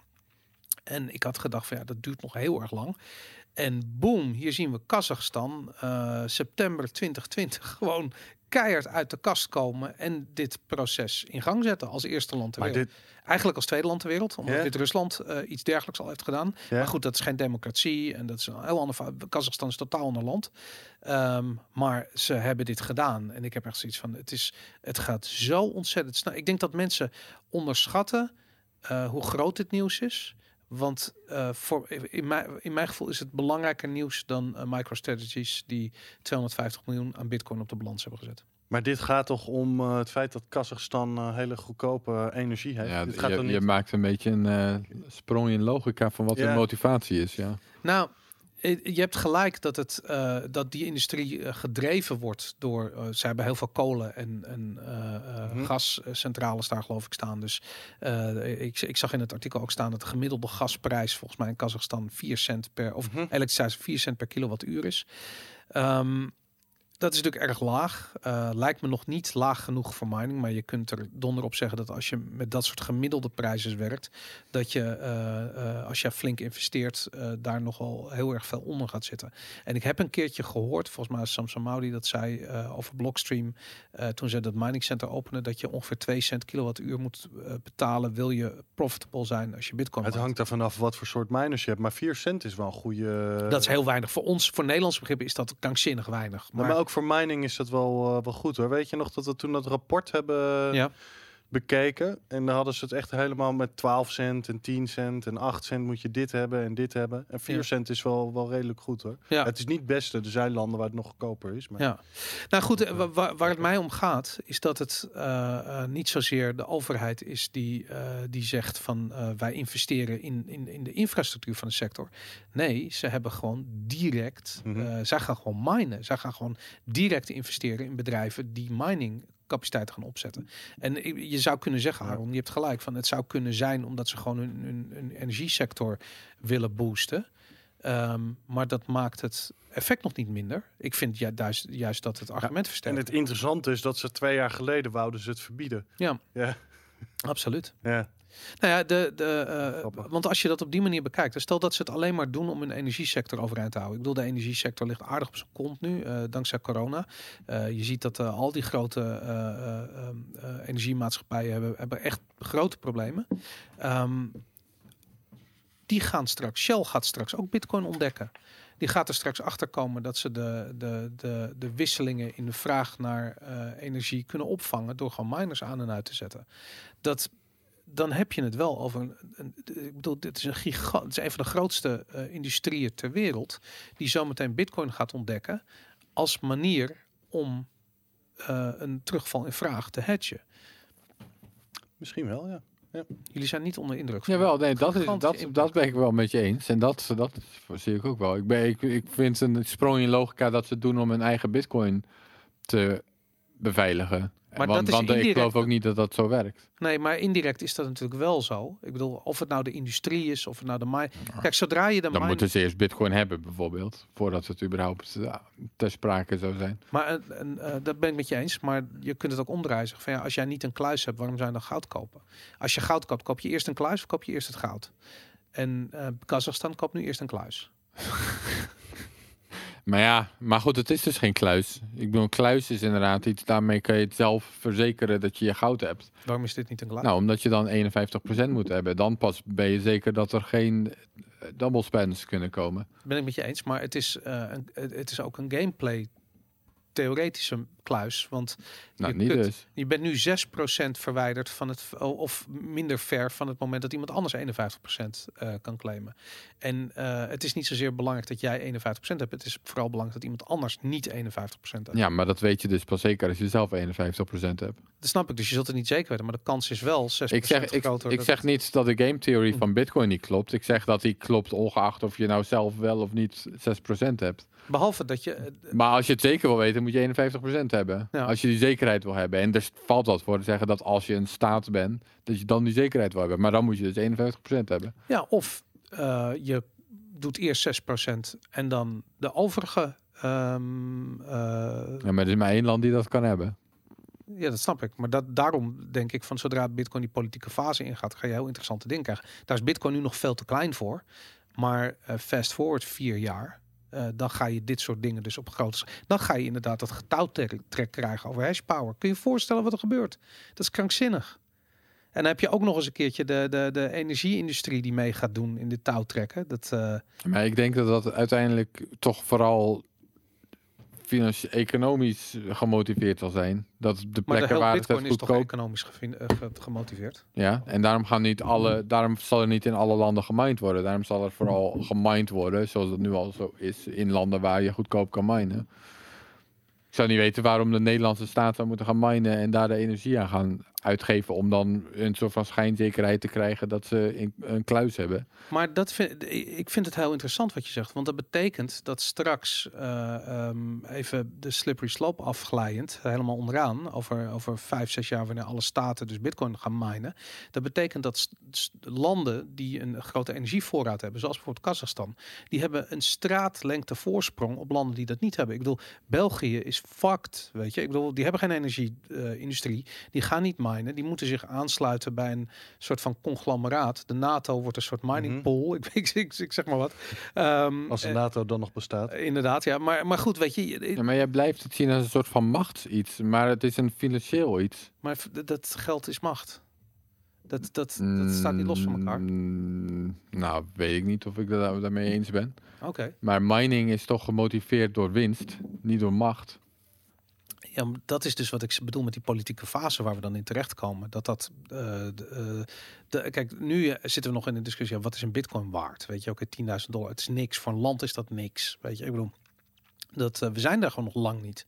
Alleen fast forward naar het moment waarop Bitcoin als dat zwarte gat fungeert en alle, alle waarde opslokt, dan ga je op een gegeven moment dat soort scenario's krijgen. Dat je dus eh, als land zonder energievoorraad, eh, je hebt geen middelen om jezelf naar de, een weg naar de veiligheid te minen. Ja, maar dat heb je zo, je veiligheid heb je sowieso pas bij 51%. Of je vertrouwt in de incentives. Ja. En dan maakt het niet per se uit of jij nou wel, een of niet, wel of niet 1% hebt. Of je vertrouwt niet in de incentives en dan moet je 51% hebben om die veiligheid te Nou, maar hebben. is, is, de, is, dat, eh, is dat zo? Ik bedoel, eh, als het eh, neerkomt op bijvoorbeeld een, eh, een fork war of iets dergelijks, dan kan je dat kan toch wel een incentive geven. Praat goed je mic alsjeblieft. Oh, dat kan toch wel een incentive geven aan een staat om, eh, of aan de mensen überhaupt, aan individuen om, eh, om mining capacity te hebben. Dus je, k- je zou toch vanuit Nou, ik, weet, ik weet niet wat voor. eh, pers- nee, ik denk het niet. Ik bedoel, uiteindelijk wordt dat bepaald door holders en mensen die bereid zijn Bitcoin te kopen. Die bepalen welke chain dan eh, profitable is. Ja, Juist. oké, ja, nee, inderdaad. Dat, eh, dat is zo. Ja. Oké. Ehm, ja, nee, eh, ja, ik ben gewoon. Ja, jij ziet mining als iets politieks, ik niet. Ik denk Ja. dat we daar het verschil uh, Nee, kunnen goed, dat, dat, dat is absoluut het grote verschil. Eh, en ik, ik, ik, ik heb wel zoiets van, het is, het is allemaal nog gameplay-theorie. Ehm, maar het feit dat we nu in 2020 al een land zien die eh, voor hun, eh, eh, voor de grootte van Kazachstan, een, een, een- ja, toch wel een aardige investering doet van 700 miljoen Uit winstoogmerk. Uit winstoogmerk. Ja, inderdaad. Dat vind, dat, vind ik, dat vind ik een hele grote stap. En ik vind het een hele fundamentele beweging eh, voor Bitcoin. Nee, dat zijn we wel met elkaar Ja, eens. Ik daarom, bedoel, oké. het is wel een groot ding als nazistaten zich gaan bemoeien met mining. En dat, Ja. dat lijkt me wel waarschijnlijk, eh, omdat nazistaten, nazistaten, dat is een van de dingen waar ze wel redelijk goed in zijn, energie. Ja. Dus, Nou, het is niet dus- waarschijnlijk, het is onvermijdelijk namelijk. Als Bitcoin slaagt, wat onvermijdelijk is, dan is. eh, dan, nou, is wij, eh, wij hebben- dan moeten de social justice warriors dus geen voet aan de grond krijgen, nee, die worden net. weggevaagd. Zo dat, eh, dat begrijp je zelf ook wel. Ik bedoel, als ze zich nu niet bezighouden met nadenken over wat geld is. Ik bedoel, la- laten we eerlijk wezen. Als jij gaat, ruiten gaat ingooien van bedrijfjes. omdat je tegen ongelijkheid bent. en niet snapt dat je de ruiten van de vet moet ingooien. als je dat daadwerkelijk vindt. dan denk ik dat je helemaal niks te zoeken hebt bij Bitcoin. Dat, daar ben je gewoon nog niet klaar voor. Maar goed, anyway, laten we doorgaan met eh, het volgende onderwerp. Different bitcoins, different prices. Een artikel van eh JP Koning. Ehm, Jan, dit lijkt me iets voor jou om te introduceren. Ja. Nou, we hebben het hier al een paar keer gehad over eh, de fungibiliteit van Ja. Bitcoin. En dat ehm, ja, de risico's van het eh, mogelijk eh, splitsen in eh, meerdere soorten Bitcoins. Eh, bitcoins die alleen maar op gereguleerde exchanges uh, ge-KYC'd, et cetera, worden. Ehm, en bitcoins die ja, op een grijs of grijs slash zwart gebied zich bevinden. Mhm. Ehm, nou, daar, gaat dit, daar gaan twee stukken van JP ook over. Eh, en hij maakte wel een interessante vergelijking. En ik denk, nou laten we die discussie nog eens een keer doen met die vergelijking die hij eh, aanhaalde. Want die vond ik wel interessant. We geven wel voer tot discussie, denk ik. Wacht. Er schiet me wel iets te binnen. Er is één reden waarom je wel die 1 of 2 procent wil hebben als staat. Waarom? Dat is om je eigen transacties te minen. Dus als de rest van het, als je onzeker bent of de rest van het netwerk dat gaat doen voor je. Ja. Dus dan gaat het niet om beveiliging, maar gaat om, nou ja, op een bepaalde manier nog, nog wel. Maar als je dat zeker wil weten, dan moet je zelf wel een procent van de mining eh Ik zeg- hash power hebben. Dus dat zou een reden kunnen zijn voor een staat om te zeggen, we willen sowieso een procent, want dan weten we sowieso dat we elke dag in ieder geval één blok minen, dat, of min of meer zeker, waarin we onze eigen transacties kunnen hebben. Ja, nou, ik ben het wel met je eens. Ik bedoel, het is slechts een kwestie van tijd voordat de minister van Financiën van Nederland een bitcoiner is. En het dus gaat hebben over dit soort zaken.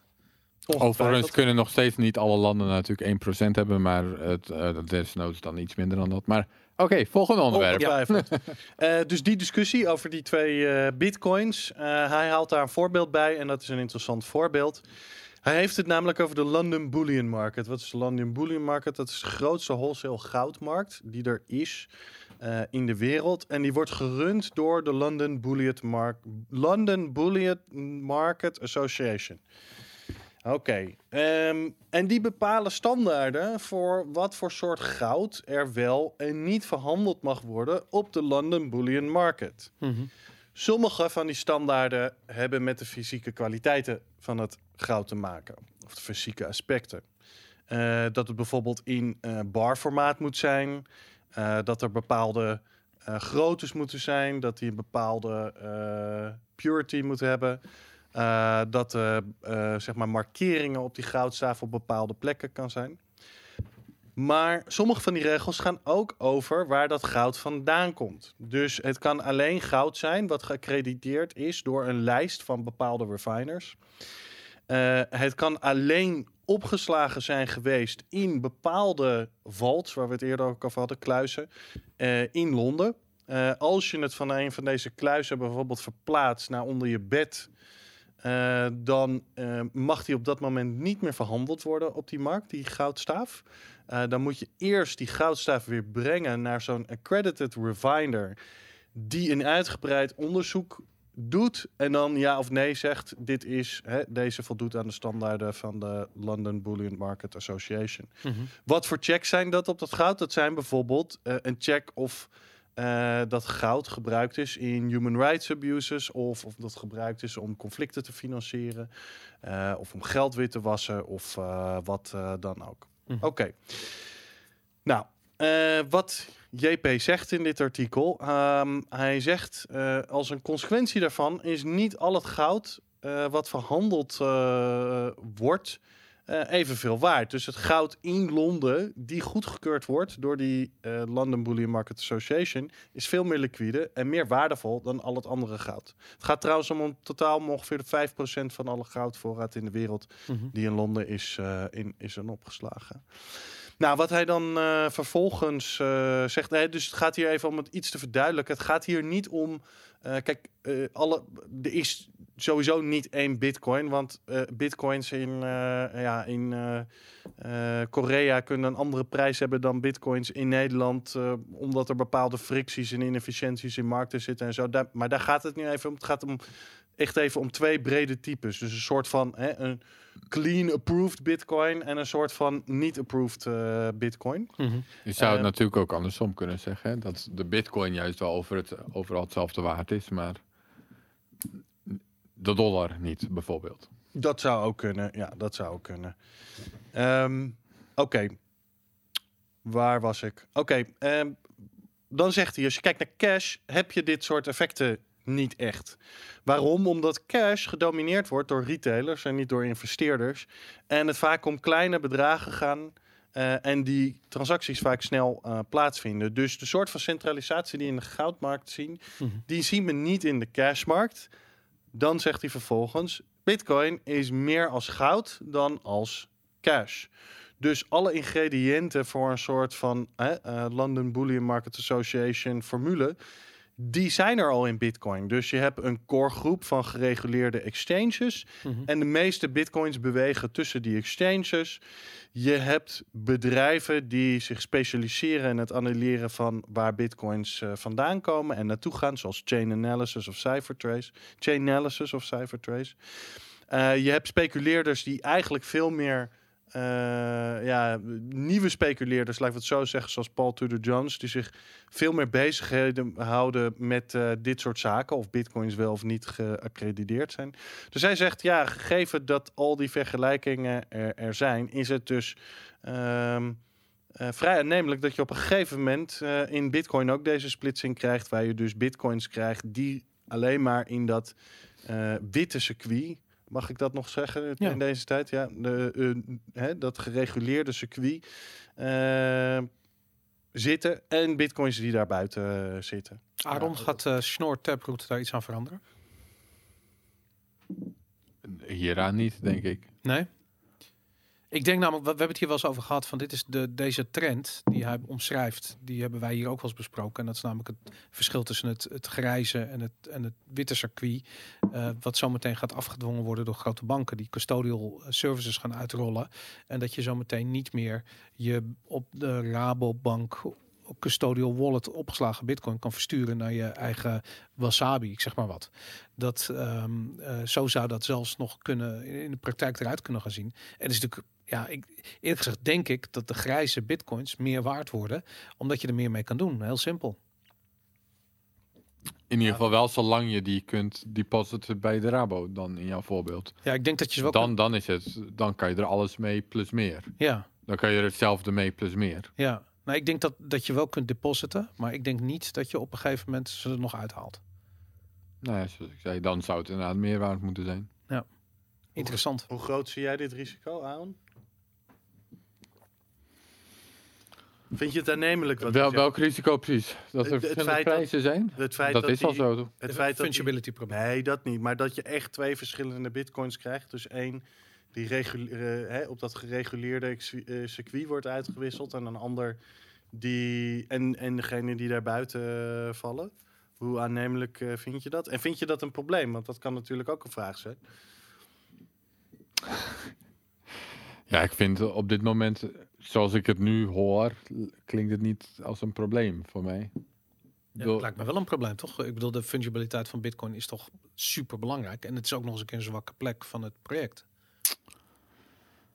Ehm, eh, het, het, het, het is pas een probleem als het praktische problemen oplevert, toch? maar En wat, kun zou, wat zou precies het praktische probleem zijn? Nou, dat zie je nu al, dat exchanges eh, je account cancelen als jij eh funds overmaakt en volgens een coinjoin doet. Ehm, daar zijn al voorbeelden van. Ehm, ja, oké, dat is wel een probleem. maar dat is Maar eigenlijk dat, is, dat staat los van of het verschillende prijzen heeft, toch? Nee, nee, nee, dat, dat heb ik ervan gemaakt. Dat het, dat het gevolg heeft voor prijzen. Maar Maar vergeet prijs even. Het gaat, Ja. even. het gaat nu om het. de- Vergeet prijzen. Maakt dus kunnen zelfs dezelfde prijs zijn. Maar gewoon het feit dat er twee typen bitcoins zijn. Eentje die in een gereguleerde markt rondzwerft. En die je er niet kan uithalen. Of heel moeilijk kan uithalen. En een andere circuit waar eh, grijze bitcoins eh, worden gecirculeerd. Die je heel moeilijk. Aan die je daar heel moeilijk kan uithalen. Dat, dat, Ja, ik ben eerlijk gezegd geneigd te zeggen, zolang die grijzen meer waard zijn, wat ik vermoed, dan is het ook niet echt per se een probleem, toch? Oké. Dan, Ja. dan stuur je ze, dan ja, je kan je, je bitcoins minder waard laten worden door ze de regulatie ja, maar wat je gaat krijgen. in te sturen. Maar, Maar de overheidsminingcapaciteit zal op een gegeven moment niet meer transacties met. nee, dan wordt het echt een probleem. Maar dat kan Dan hebben we echt te maken met ja, een probleem. Maar dat gaat gebeuren, want dat is een. Dan, nou ja, goed, dat in, in Ja, feite. weet ik niet of dat gaat gebeuren. Nee, snap ik. Maar binnen dit scenario zou dat een vanzelfsprekende conclusie zijn. Weet je, dat op een gegeven moment de partijen die die custodial services uitvoeren, ook op een gegeven moment regels gaan neerleggen over wie er wat eh, voor transacties wel en niet allemaal mag minen. Nou ja, daarom is het belangrijk dat mining goed gedecentraliseerd blijft, bijvoorbeeld. En dat je het anoniem kan doen en dat soort dingen. Ja. Maar dat, dit is zeker, als, als, als dat niet zo is, Ja. als we te afhankelijk worden van pools, te afhankelijk worden van gecentraliseerde, gecentraliseerde datacenters, dat soort dingen. Mhm. En dan de fungibiliteit van Bitcoin niet optimaal is, wat zo is. Ja, dat is wel een probleem, ja. Ja, dus Maar dat is ook wel het probleem dat developers, die houden zich daar heel veel mee bezig. Dat is een van de dingen die we proberen op te lossen met eh, Ja. better hash en eh, de block size limits, zodat, je, zodat het een beetje decentraal blijft en allemaal dat soort dingen. Ja, dus zometeen worden je grijze coins meer waard in euro's of dollars. Maar je gaat ook veel meer betalen voor de transactie. Want dat moet via een niet gereguleerde miner. Ja, maar dat zou dan dus weer de prijs kunnen drukken van die coins. bedoel als je ik, zoveel ja. Moet, ja, ik bedoel, dat, dat, dat soort dingen zijn problemen, ja. Nou, daarom. Nee, ik denk dat eh, eh, JP Koning het goed verwoord heeft. Ehm, wat ik een beetje mis in zijn artikel is, de, is juist die... Maar even die voor duidelijkheid, eh, zolang het niet, zolang hier geen sprake van is, van Hm. censuur op, op een mining level, Ja. dan zie ik er ook niet zo snel een probleem mee. Maar ik, Nee. dat, dat begrijp ik. Maar ik bedoel, het is alleen maar de logische, het logische vervolg. Die slippery slope af. Ja, Oké, maar dan moet je wel dat argument maken. ja. Ja, ik weet niet, eh, ik, ik ben wel een beetje met jou eens. denk ik. Ik weet ook niet of ik dit nou 1, 2, 3, of dit per se een probleem zou moeten zijn. Eh, ik, weet je, als er eh, mensen zoals Paul Tudor Jones graag gereguleerde bitcoins, eh, sterk gereguleerde bitcoins willen hebben. Nou, dat, Maar ik wil ze ook daar- hebben. Begrijp ik, niet me- laat ik een ander voorbeeld daar in geven. principe niet zo'n probleem mee. Dat hoeft niet altijd een probleem te zijn, volgens mij. Nee, of neem, de, neem dan cash. Uh-huh. Daadwerkelijk de fysieke cash. Daar heb je soms ook dat dezelfde munt verschillende waardes heeft. Bijvoorbeeld een eerste druk van een bepaalde munt. Ja. Of een speciale uitgave of iets dat in een bepaald jaar wat mensen dan Vers bitcoins, die ja, rijden precies, dat is dingen. nog helemaal. Precies, dat soort dingen kunnen verschillende prijzen hebben. Dat is op Ja. zich niet per se een probleem. Maar ja, dan hebben verzamelaars, houden er een paar vast. Of, Ja. dus zolang het maar geen praktische problemen oplevert. Nee, Maar dat, dat- maar dat bedoel ik. Ik denk dat het doel van dit artikel is. eh, ik denk dat we de prijsverschillen. dat moeten we gewoon even opzij zetten. Dat, dat is even het punt niet. Het gaat eerder om de praktische problemen. die die splitsing kan veroorzaken. Maar die hoeven er niet, naar mijn idee, per se te zijn. En één ding wat ik ook denk, wat hij niet aankaart. Nee, Kijk, voor goud is er natuurlijk een. vanuit een. is er een vrij natuurlijke incentive voor zoiets om te ontstaan. Omdat goud niet makkelijk transporteerbaar of transporteerbaar of verdeelbaar is of eh, Mhm. makkelijk zelf vast te houden. En bij Bitcoin is dat heel anders. Dus ja, dat, dat, dat, dat, dat maakt dat voor mij ook weer, weer een eh, verschil. Maar je hebt het dus ook een beetje gehad al, hè? Met, je had op een gegeven moment BTCE, wat een relatief ongerele, ongereguleerde exchange was. Ja. Daar was standaard een andere prijs voor bitcoin dan op de gereguleerde exchanges. Klopt. En dan Ja. weet ik uit mijn hoofd even niet meer of het nou altijd een paar procent hoger of een paar procent lager was. Ja. Een paar procent lager, denk idee. ik. Hm. Maar, eh, maar, nogmaals, dat had je en nou, dat Het gaat denk ik niet om de prijs. Het gaat eerder om dat je een soort van kunstmatige splitsing. Ik denk dat dat het punt van het artikel is. Want die prijs, dat, daar gaat het even niet om. Het gaat eerder om dat er een soort van kunstmatige splitsing kan ontstaan in het, eh, in het netwerk. Ehm, die niets met de code heeft te maken, maar eh, het is eigenlijk een soort van fork. Een soort van, ja, ik weet niet hoe we het noemen. Het, het, is, ja, het is een soort van institutionele fork, laten we het Ja. zo zeggen. In plaats van dat het een code fork eh, is. Ik- maar het hoeft volgens mij niet per se een probleem te zijn. Maar goed, eh, misschien de.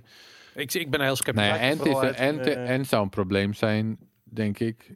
Kijk, in jouw voorbeeld zou je die grijze bitcoins nog wel naar de Rabobank kunnen sturen. Ja. Maar als dat dus niet meer kan, Nee, maar dat is het punt, denk ik. ja, als oké, maar dat is dus het tegenovergestelde probleem eigenlijk. Dan wordt het ook weer een probleem. Dat Ja. wordt een groot probleem. Maar en ik denk eerlijk gezegd dat dat gaat het e- equivalent zijn van die, eh, wat, wat, wat was die executive order 6104. Nee, oké, maar dan halen we er weer andere dingen bij. Maar dat is dus het punt waar ik dus... Als er 5% van de bitcoins zijn waar eh, die bepaalde investeerders graag in een hele gereguleerd circuit willen hebben. Dus je kunt ze niet... Je kunt ze er wel uithalen, maar het is heel moeilijk. En je kunt ze er ook, ook heel moeilijk andere in krijgen. Zou dat nou echt een probleem moeten zijn? Dus het feit dat ik grijze bitcoins heb die ik niet bij de Rabobank kan parkeren. Is het trouwens, dit gaat grotendeels om investeerders, hè? niet om eh, eh, particulieren die een bitcoins bij. Maar zou dat echt een probleem zijn? Nee, eh, Is dit een nieuwe vraag? Nee, dit is, dit is eh, ik, had een, oorspronkelijke. ik had al een antwoord gehoord van Aaron namelijk. Ja. Maar jij denkt dat dat echt een probleem is? Het feit dat ik niet mijn eh, bitcoins bij de Rabobank kan parkeren? Volgens mij was ik degene die zei dat het een probleem was. Ja, nee, maar jullie zeggen volgens mij alle twee dat het nu een probleem is. Ah, oké.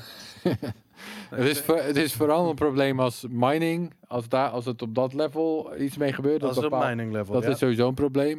Ja. Ja. daarnaast denk ik ook wel dat het een probleem is als je dus inderdaad niet je coins naar een exchange kan sturen. Ja. Maar dan denk ik Ja, dus eerder dat die coins misschien minder waard worden, want Ja, dan kan je maar- er minder mee. Maar dan moet je er echt dus, oké, maar dan moet je dus echt vanuit gaan dat alle custodians en exchanges eh, inderdaad in dat circuit zitten. Dus als je het op die manier bekijkt, dan. eh, en dat je niet bijvoorbeeld zoals met goud het equivalent hebt dat je ook zelf een eh, kluis eh, bij Schiphol bijvoorbeeld aan kan schaffen en ze daarin kan leggen, bij wijze van spreken. Ja, dit is niet echt een equivalent, maar. Goed, laten we door. Ja, laten we Je, bent hem helemaal kwijt? ik ben, ik ben hem ook kwijt nu. Oké, maar nou, wacht, dan gaan we er nog even op door. Oh. Eh, Gaan we erop door? ik, wat ik probeer te zeggen is, op de goudmarkt... Ik vraag mij nou af of wat hij nu omschrijft bij de goudmarkt... of dat nou echt een probleem is. Er zijn toch allerlei retail investors... die gewoon nog goud hebben... die ook gewoon kluizen zelf hebben waar ze goud in leggen. Ja, maar de, de, de Dus- problemen daarin zitten. de- de- dat hebben we laatst nog gezien. Dat er, weet, ik veel, 100 miljoen of 200 miljoen aan goud bleek tungsten te zijn. Of Ja, toch nee, niet eens. dat is een ander probleem. Nee, nee, Dat nee, maar dat is, dat is de, de reden waar dit, waarom dit is opgezet. Je wil weten dat Nee, goud snap echt goud is. En dat probleem heb je niet echt met bitcoin... want je kunt eh, signatures verifiëren. Maar het gaat er nu even... Dus gaan ze nu om- gaan ze zeggen terrorisme is en het kinderporno. per se een probleem als je twee circuits hebt En dat de bitcoins die in beide van die circuits zitten niet met elkaar uitgewisseld kan worden. Nou, ik stel daar de vraag bij. Volgens mij hoeft dat niet per se. Als Paul Tudor Jones graag zijn hè, eh, bitcoins alleen maar van JP Morgan naar Goldman Sachs wil verplaatsen, zie ik aan zich niet zo'n eh, probleem mee. Eh, het enige probleem misschien wel is, en dat is denk ik waarom jij, jullie denken dat het een probleem is, als je inderdaad in dat grijze circuit helemaal geen diensten meer mag aanbieden. Dan, dan, dan is het een probleem. En Ja. anders is het niet zo'n probleem. Nee, ik denk dat ik dat met je eens ben. Oké, ja. ja, oké. Ja, gaan we door naar het Duidelijk. volgende. Mooi. Oké. Ehm, even kijken. A ransom attack on treasure and keep keys. Passphrase handling. Het, is- het is een spannend eh, eh, verhaal wat zich hier uitkristalliseert. Wat was er aan de hand? Ehm, treasure en keep key is eigenlijk een soort fork van treasure. Ehm, heel erg gebaseerd op dezelfde hardware specs. Ehm eh, Treasure liet een op het moment dat je een passphrase toevoegde aan je wallet, creëer je eigenlijk een nieuwe wallet waarbij die passphrase het 25ste woord is. En er was een ransom attack mogelijk waarbij bijvoorbeeld ransomware op je computer dat eh, die passphrase veranderde. En je treasure of je keep key liet niet de eh passphrase zien, maar alleen een, eh, een bepaalde hoeveelheid bolletjes of kruisjes of sterretjes, whatever. Ehm, met andere woorden, het is makkelijk voor eh, ransomware op je computer om dat wachtwoord te veranderen. En dan weet je dus niet meer wat, hoe je bij je wallet kunt komen. Dus je maakt wel, je doet zelf de transactie en alles. Je denkt alleen dat je het naar een wallet doet waarbij het 25ste woord jouw passphrase is. Maar in werkelijkheid is het overgemaakt naar een wallet waarbij het 25ste woord is door je ransomware software is ingevuld. Nou, daar kom je dus nooit meer bij, tenzij je een bepaald bedrag betaalt. En dan kun je, nou goed. Dat is heel erg vervelend als dat gebeurt. Ehm, dat is op een gegeven moment ontdekt. Ik vind het eh, grappig, omdat het een heel voor de hand liggende attack is. Eh, sterker nog, ik vind het altijd een probleem bij zowel die eh, Model 1 van, de, van Treasure als bij de, eh hoe heet dat kleine ding, de Ledger Model S, eh, dat je niet duidelijk gewoon je passphrases kunt zien. Eh, Ik vind dat wachtwoorden en logingegevens allemaal steeds getoond moeten worden door, door je hardware wallet. Mhm. En eh, dat is wat Coldcard bijvoorbeeld vanaf het begin vrij goed deed. En eh Treasure heeft dat nu gelukkig dankzij een firmware update ook eh, doorgevoerd. Ehm, ja, ik ben blij dat dit aan het licht is gekomen, dat iemand aan de bel heeft getrokken. Er is ook een eh, bounty betaald door, eh, door Treasure als beloning voor het ontdekken van deze kwetsbaarheid, die daadwerkelijk bestaat. Dus ja, applaus voor deze gang van zaken, denk ik. Applaus. Mooi. Heb je nog iets aan toe te voegen? En Het is opgelost? Het is opgelost. Mooi. Niks En aan wat toe te betekent het voor de mensen thuis, Boris? Als Updaten, updaten, hebben? updaten. Sowieso updaten. En als je een Treasure eh, hebt, je hebt bijvoorbeeld de Treasure Model 1, eh, dan is de beste oplossing om die eh, mee te nemen naar de schietbaan en er een gaatje in te schieten. eh, of op een andere manier het ding op zo'n manier te vernietigen dat de hardware niet nog geaccessed kan worden door iemand anders. Ehm, het, koop vervolgens een Model T met een duidelijk mooi groot full color scherm. Je Waarin- draait ze om, denk ik. Nee, de Model 1 is de eerste, die is kut. Nee, die, Treasure T is toch de... nee, T is Nee, die. je draait ze niet om, ik draai ze om. Maar de Model T is de nieuwe. Moest even grote- van de duivel spelen. Ja, ik snap het, maar, je- maar dat is de. de nou goed. Anyway, de Model T is de, eh, de, de, de hardware wallet met het mooie kleurenschermpje. Eh, die is ook gelijk een heel stuk duurder. Je ziet ook gelijk dat de Model 1 is vervolgens afgeprijsd. Die kost volgens mij nog maar, eh, nog maar vijf tientjes of zoiets. Ik weet het niet. Anyway, blijf erbij vandaan. Haal die Model T, want daar eh, heb je dit probleem niet. Ja, en koop ze vooral niet op Amazon. Absoluut, die vraag never, Ook nooit. weer voorbij komen. Op de, doe dat gewoon niet. Nee, absoluut. Blijf er vandaan. Ik bedoel, er wordt eh, hardware wallets worden nagemaakt in China. eh, zo sophisticated dat je gewoon het verschil niet gaat zien. Dus eh, blijf daar vandaan. Koop het via de officiële kanalen. En eh, laat het vervolgens vooral ook niet naar je huisadres sturen. En als je je Treasure firmware update, eh, firmware update, zorg dat je altijd je seat achter de hand hebt. Want het kan zijn dat eh, Alles naar de klap. alles gewist wordt eh, als je een firmware update doet. Absoluut. Heel belangrijk. Heb ik nog overigens nog nooit meegemaakt. Maar goed. Ik ook nog nooit, maar Ik wel. kan natuurlijk. Ja? Ja. Hoe dan? Volgens mij eh, raakte het USB'tje een beetje los tijdens de update of zo. En toen moest ik echt met die seat eh, gaan zitten kutten. Oké. Hm. Nou, wees blij dat je hem had. Heel goed. Heel verstandig. Dat ging goed. Ja. Ehm, Bitcoin. eh how Bitcoin met the real world in Africa. Een artikel van Alexis Aquagiriam en Tom Wilson. Ehm, Jan, dit lijkt me ook echt iets, een, een, product uit jouw eh typebord, of niet? Ik denk dat eh, Aaron deze erin had. Oh, die over Afrika? Ja. Yes. Wat is daar aan de hand in Afrika? In Afrika gaat het helemaal de goede kant op. Oh ja, dat gaat goed. Dit, is, dit was zeker de beste inleiding ooit. ik, dacht, ik dacht, nu krijgen we een banking the unbanked verhaal, maar nee, het gaat gewoon goed. ja, het gaat wel lekker. Top. Oké, het artikel ging erover dat eh, steeds meer Afrikanen, Afrikaanse ondernemers, Bitcoin gebruiken. Eh, en dat dat allerlei voordelen eh, aan hun biedt. En daar hebben ze onder andere, ze hebben een paar Afrikanen gesproken die dat gebruiken. En het ging vooral over in ehm, Nigeria, Zuid-Afrika en Kenia. Ja. Eh, en op basis dus van die eh, ondernemers zelf, ook op basis van Chainalysis data, Mhm. die dat dus een beetje in kaart eh, probeert te brengen. En je ziet dus een stijging van bitcoin betalingen daar. En dan gaat het dus om dingen zoals het importeren van dingen uit China. Mhm. Dat ze dat met bitcoin betalen, omdat remittance veel beter is voor ze. Maar ook eh, het accepteren van bitcoin en dat dat eh, helpt. De, dat het aanhouden van bitcoin handig is, in, eh, omdat bijvoorbeeld in Nigeria de... Wat is de munt daar? Nou, die wordt dus wel... Ja. De je Applaus dat? als iemand Oh ja, zo- hier, Jan weet het. De Nairo. Ja, De Nairo. Nairo. Ja, nou, die, Ongelooflijk. wo- Applaus voor Jan. die wordt dus eh, flink gedevalueerd, al twee Mm. keer dit jaar of zo. Dus dan Ja. is het ook nog eens... ge- Dus ze hebben voordeel met de internationale remittances en voordelen met dat de munt niet steeds wordt gedevalueerd. Of, hè, dus dat ze daarvan Ze zijn gewoon letterlijk ontsnappen. bitcoin aan het ontdekken. Want dit Ze zijn, echt bitcoin aan het gebruiken voor Ja. de redenen dat bitcoin ooit is eh, verzonnen, zeg maar, zou je kunnen zeggen. Super cool. En dat, eh dat, dat it's, it's catching on. Het was een artikel in Reuters, dacht ik. Ja, Was het. Reuters? Ja, Ja. gewoon een groot artikel. En ehm, Ik ben ook heel erg benieuwd. Nieuws, Overigens, zeg maar, eh, dat werd niet genoemd in dit artikel. Vind ik jammer. Maar eh, we hebben natuurlijk gezien dat eh, Jack Dorsey van Twitter, de CEO, eh, heeft aangekondigd dat hij een half jaar naar Afrika gaat om zich te. Ja, ik denk wel dat corona wat route in het eten heeft gegooid. beetje want dat zou inmiddels al zijn, volgens hoewel mij. ze ja. geen corona hebben in Afrika. Hè? Heb je dat gezien? Nee, dat geen corona in Afrika. Ja. Het is er niet. Wonderlijk. Ja, ze hebben iets met eh, een malaria-middel wat eh, effectief schijnt te zijn. Maar goed, anyways, eh um, cons conspiracy gekkies die dat roepen.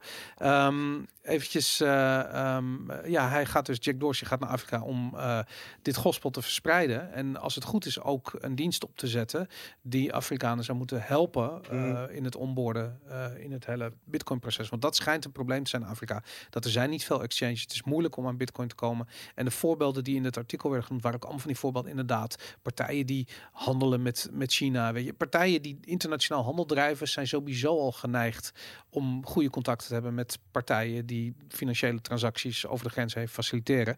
En die beginnen Bitcoin steeds meer te gebruiken. Maar voor de gewone eh, eh, ja, handelaar eh, is of gewone ondernemer in, in, in Afrika is dat een ander verhaal. En het zou heel vet zijn als hij een dienst opzet, een soort, soort hoe heet die eh, eh, eh, cash app toestand die hij heeft daar.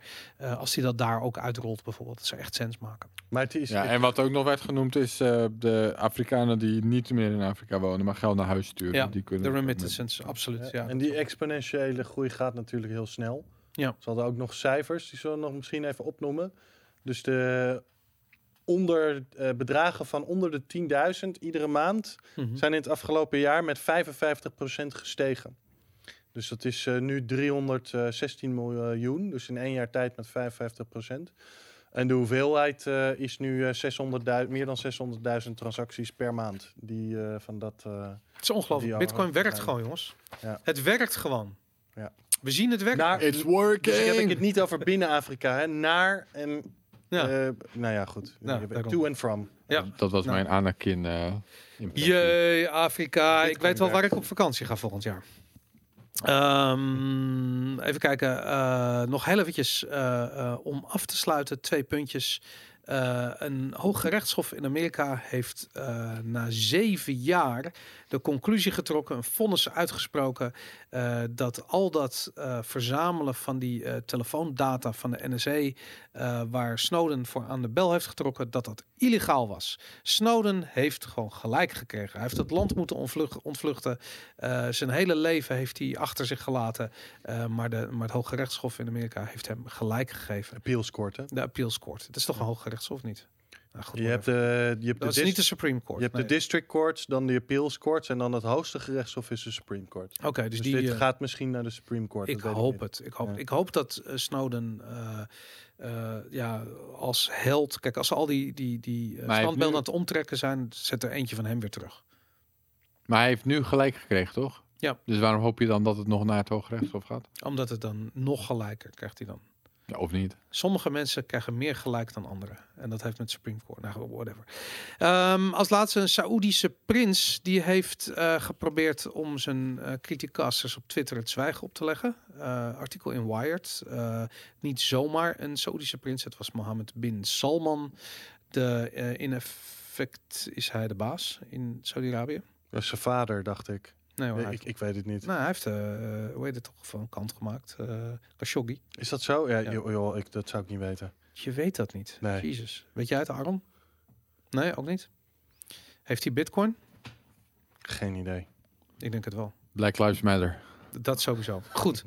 Ik wou bij deze de, ehm, de deze 56ste de Bitcoin Show afsluiten, jongens. Eh, dank jullie wel eh, voor het kijken, voor het luisteren. Vergeet niet te liken en subscriben. We vechten tegen de demonisering van Strong hand, everybody!